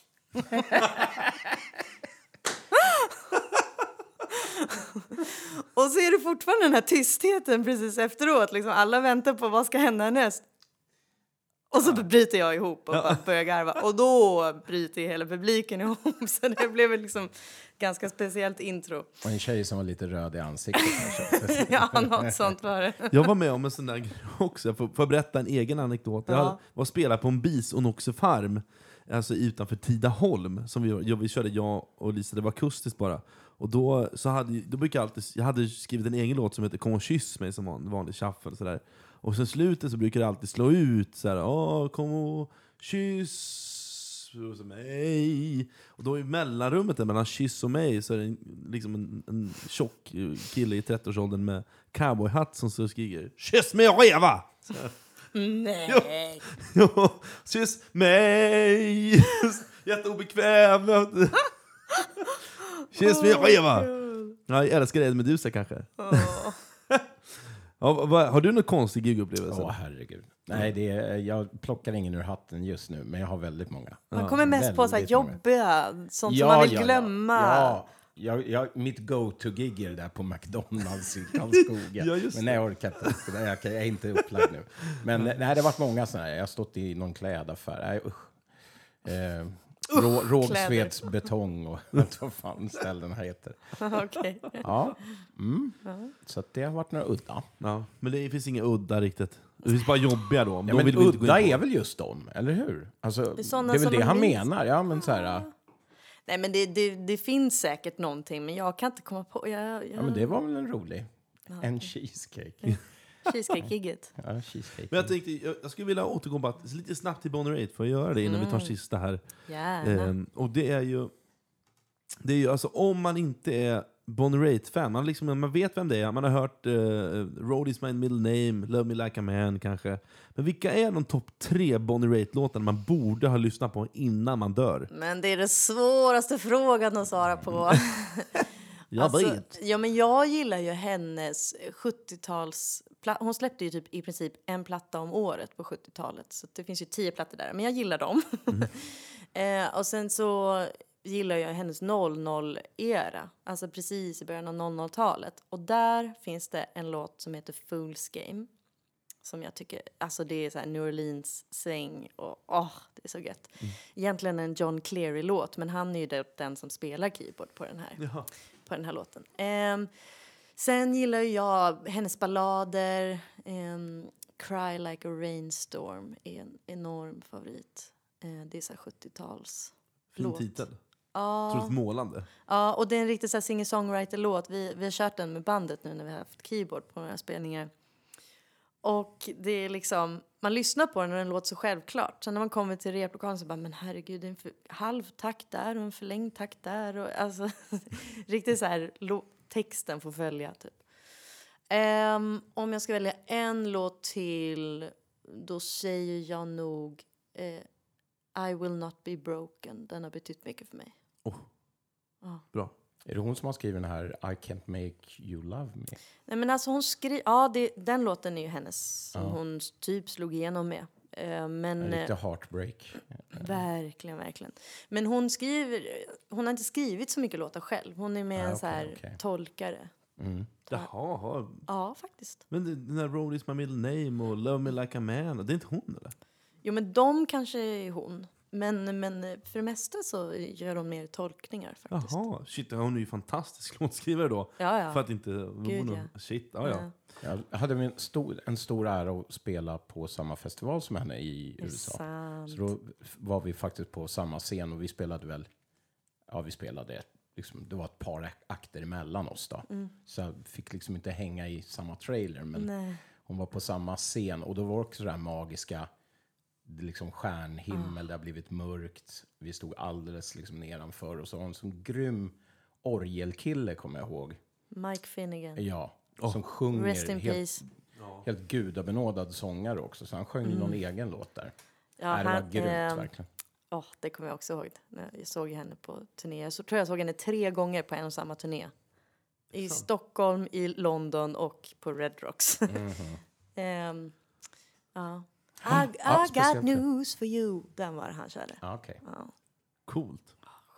Men såg inte du henne i Köpenhamn också? Jo, Men du fick, fick du träffa henne då? Nej, Nej. nej. Men eh, mina kompisar som jag var där med fick träffa henne. De bodde på samma hotell så de tryckte på hissen och så öppnas dörrarna och så står hon där. Oj, Och ser helt annorlunda ut tydligen. Jaha. Ja, det var så här morgonen efter tror jag. Hon hade någon liten hund under armen och så här, inget smink och uppsatt hår. Ja, jag fattar. Ja, hon är väl för fan, är hon 70, 80? 70? Nej, hon är inte 80 än. Nej. Men hon är över 70. Ja. Ja, ja coolt. Ja, fantastiskt bra i alla fall. Mm. Men eh, då sista eh, frågan som var en anonym fråga. Mhm. Så, eh, vilken svensk artist skulle du vilja spela med på Fasching? Just på Ja, Fasching. alltså, väldigt, specifik Ja. fråga. Ja. Ja, men- Bara där. Eh, bara där. Nej, men jag, jag älskar att spela på Fasching. Ehm, så jag tänker väl att det kanske har med typ hur stor so- scenen är. 360 pers klubbkänsla. Då går det ju inte med Bonnie Raitt för hon skulle aldrig tacka ja till en sån spelning. Åka till Stockholm. Säg inte det. Annars hade hon varit ett solklart val. Eh, nej, men jag, jag är som sagt Spotify-algoritm-lyssnare. Så att jag, jag vet ju en hel del band som, som känns som de... De är mer än up and coming i USA. De har väl en bra fanbase där, men de är inte så ofta i Europa. De kanske skulle passa på Fasching-scen. Så då kan jag väl namedroppa lite Madison Cunningham Mm. tycker jag är helt underbar. Lake Street Dive då, som vi har pratat om. Men sen finns det ett band som heter The Dip som jag tycker är sjukt bra. The Dip. The Dip. D-I-P. Har aldrig hört. De är verkligen så här riktig retro soul fast n- nytt då. Okej, Ja. ja. jag får kolla in. Jag tycker de är underbara. tackar för. Mm. Det är det man gillar med podden, man får massa tips som man ska lyssna på. Det är roligt. Mm. Tack för det. Så då är det The Dip, det var Madison Cunningham. Kan, vad heter hon? Cun- Madison Cunningham. Madison Cunningham. Och sen var det, fanns det något mer? Det var de två. Ja, Lake Street Dive sa jag också. to Drive, just det. Tydligen. Du säger drive, men det är det inte. Dive. Det, det, de har Det ju, är dyk alltså. alltså, de har ju ett fan som har gjort ett meme-konto. Som Okej. liksom bara gör memes om dem. Mhm. Och då är det mycket skämt om Lake Street Drive. Såklart. Det är lite, lite för enkelt. Alla tror att de heter det. Kul i och för sig. Men då får vi tacka dig därför att du tog dig tid för att komma hit Ja, till men hörni, Bluespodden. stort tack. Jätte, Vi måste ju, innan vi släpper det, vi måste ju få veta liksom närmsta planerna. Eh, och då tänker jag Såklart. närmsta framtid, alltså eh, turné, konsert, skivsläpp. Nej men eh, det kommer nog verka lite tyst om oss nu då för att vi ska börja vi, göra, göra den här plattan då eller vad det nu blir. Eh, men som sagt vi har börjat skriva låtar eh, men vi har inte riktigt satt ihop dem än så att eh, ja vi får boka studio och sätta igång. Eh, men jag hoppas att det blir något stort tioårsfirande nästa år. Mm. Kommer du spela något 2023. med det här som jag såg i Åmål som var väldigt, väldigt bra också? Jenny Boman, Boman Roots Review. Blues Review. Ja men det, det hoppas jag. Ja. Vi har inget bokat nu Nej. i dagsläget. Okej. Mm. men då får vi vänta och se då vad som händer härnäst. Och innan, vi ska ju, du har ett sista uppdrag också eh, innan vi släpper dig. Vi har ju eh, vårt mest klassiska eh, segment som har varit med i alla avsnitt, alla 63. Och det är från norr till söder. Och eh, då så väljer vi ju någon band, något band, någon artist utifrån landet eller här i Stockholm eller var som helst. Och eh, avsluta med låt och där får du bestämma idag. Så what do you have? Ja, men eh, då skulle jag vilja spela en låt av Ida Sand som heter Burning. Och eh, lite om Ida Sand då, för de som inte vet. Hon är sångerska och eh, pianist. Sen vet jag inte, hon är säkert massor med andra saker för hon är så här elitbra. Ja. Jag vet vem hon är gift med. Ja. Eh, och så har jag sett någon, hon sjunger på Stampen faktiskt, Ja. med sin man. Ja, okej. Ola Gustafsson på gitarr. Ja, Hon, är- hon är ju fantastiskt bra. Ja, jag tycker hon är grym, verkligen. Spelar liksom piano så här svängigt och sjunger fantastiskt bra. Ja. Och så, så vi beger oss till Stockholm helt Ja, enkelt. precis. Från norr till söder. Ja, exakt. Det var länge sedan vi var här. Eh, Ja, vi brukar försöka, vi blir ju eh, ofta kritiserade för det i den här podden, att vi blir lite hemmablinda. Va? Men eh, från norr till söder brukar vi försöka plocka lite. Men det gör ingenting, bara det är bra och det kommer det säkert vara. Och det kommer rulla här nu, det har ju vi sett till att det kommer börja rulla här i bakgrunden. Och så Ja, brukar vi, det har, har du lyssnat på ett avsnitt någon gång? Ja, då vet du att vi, att vi brukar liksom snacka ner avsnittet där. Hur kändes det att komma hit idag? Nej, det var jättekul. Ja, det var kul. Jag har längtat. Var det så farligt? Nej, Nej. Du var inte nervös va? Lite. Nu, alltså. Ja. Men det är okej, det får Fast man vi, vara. det är brukar, fullt vi, nat- det är fullt brukar vi ta naturligt. ur människor, eller bara jag som tror att vi är Jag så här tror- sköna. Nej, men jag, jag tror de flesta är nog nervösa. Vad fan, man blir intervjuad. Det är klart Jo, man är men nervös. att vi är bra på... Eh, det kan ju inte... Det är så otroligt. Ja, men jag säger det, den här sista grejen, att vi ska recensera oss själva, det kan vara den sämsta delen i vår podd.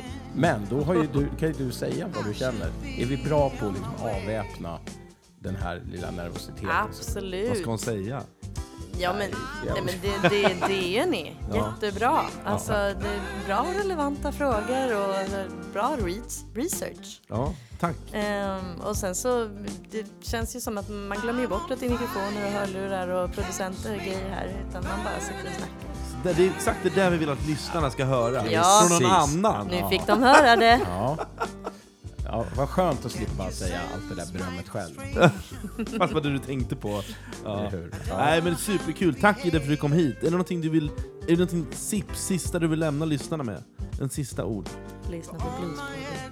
Ah. Underbart. Och innan, innan, innan också, vi måste ju faktiskt bara nämna att våran sponsor i det här Ja. avsnittet eh, heter... Mr P. Ja, eh, de, han he, de heter, vad heter de nu From the Soul. From the Soul Club Ja.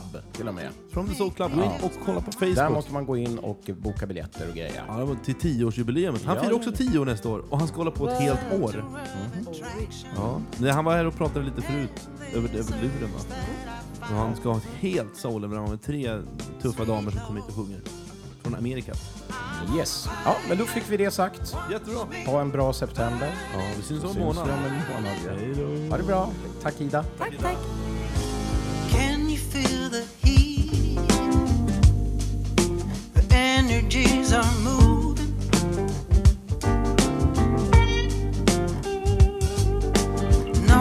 Off my feet. I'm heading to the door.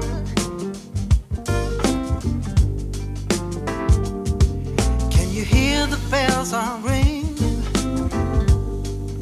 demanding you to stay.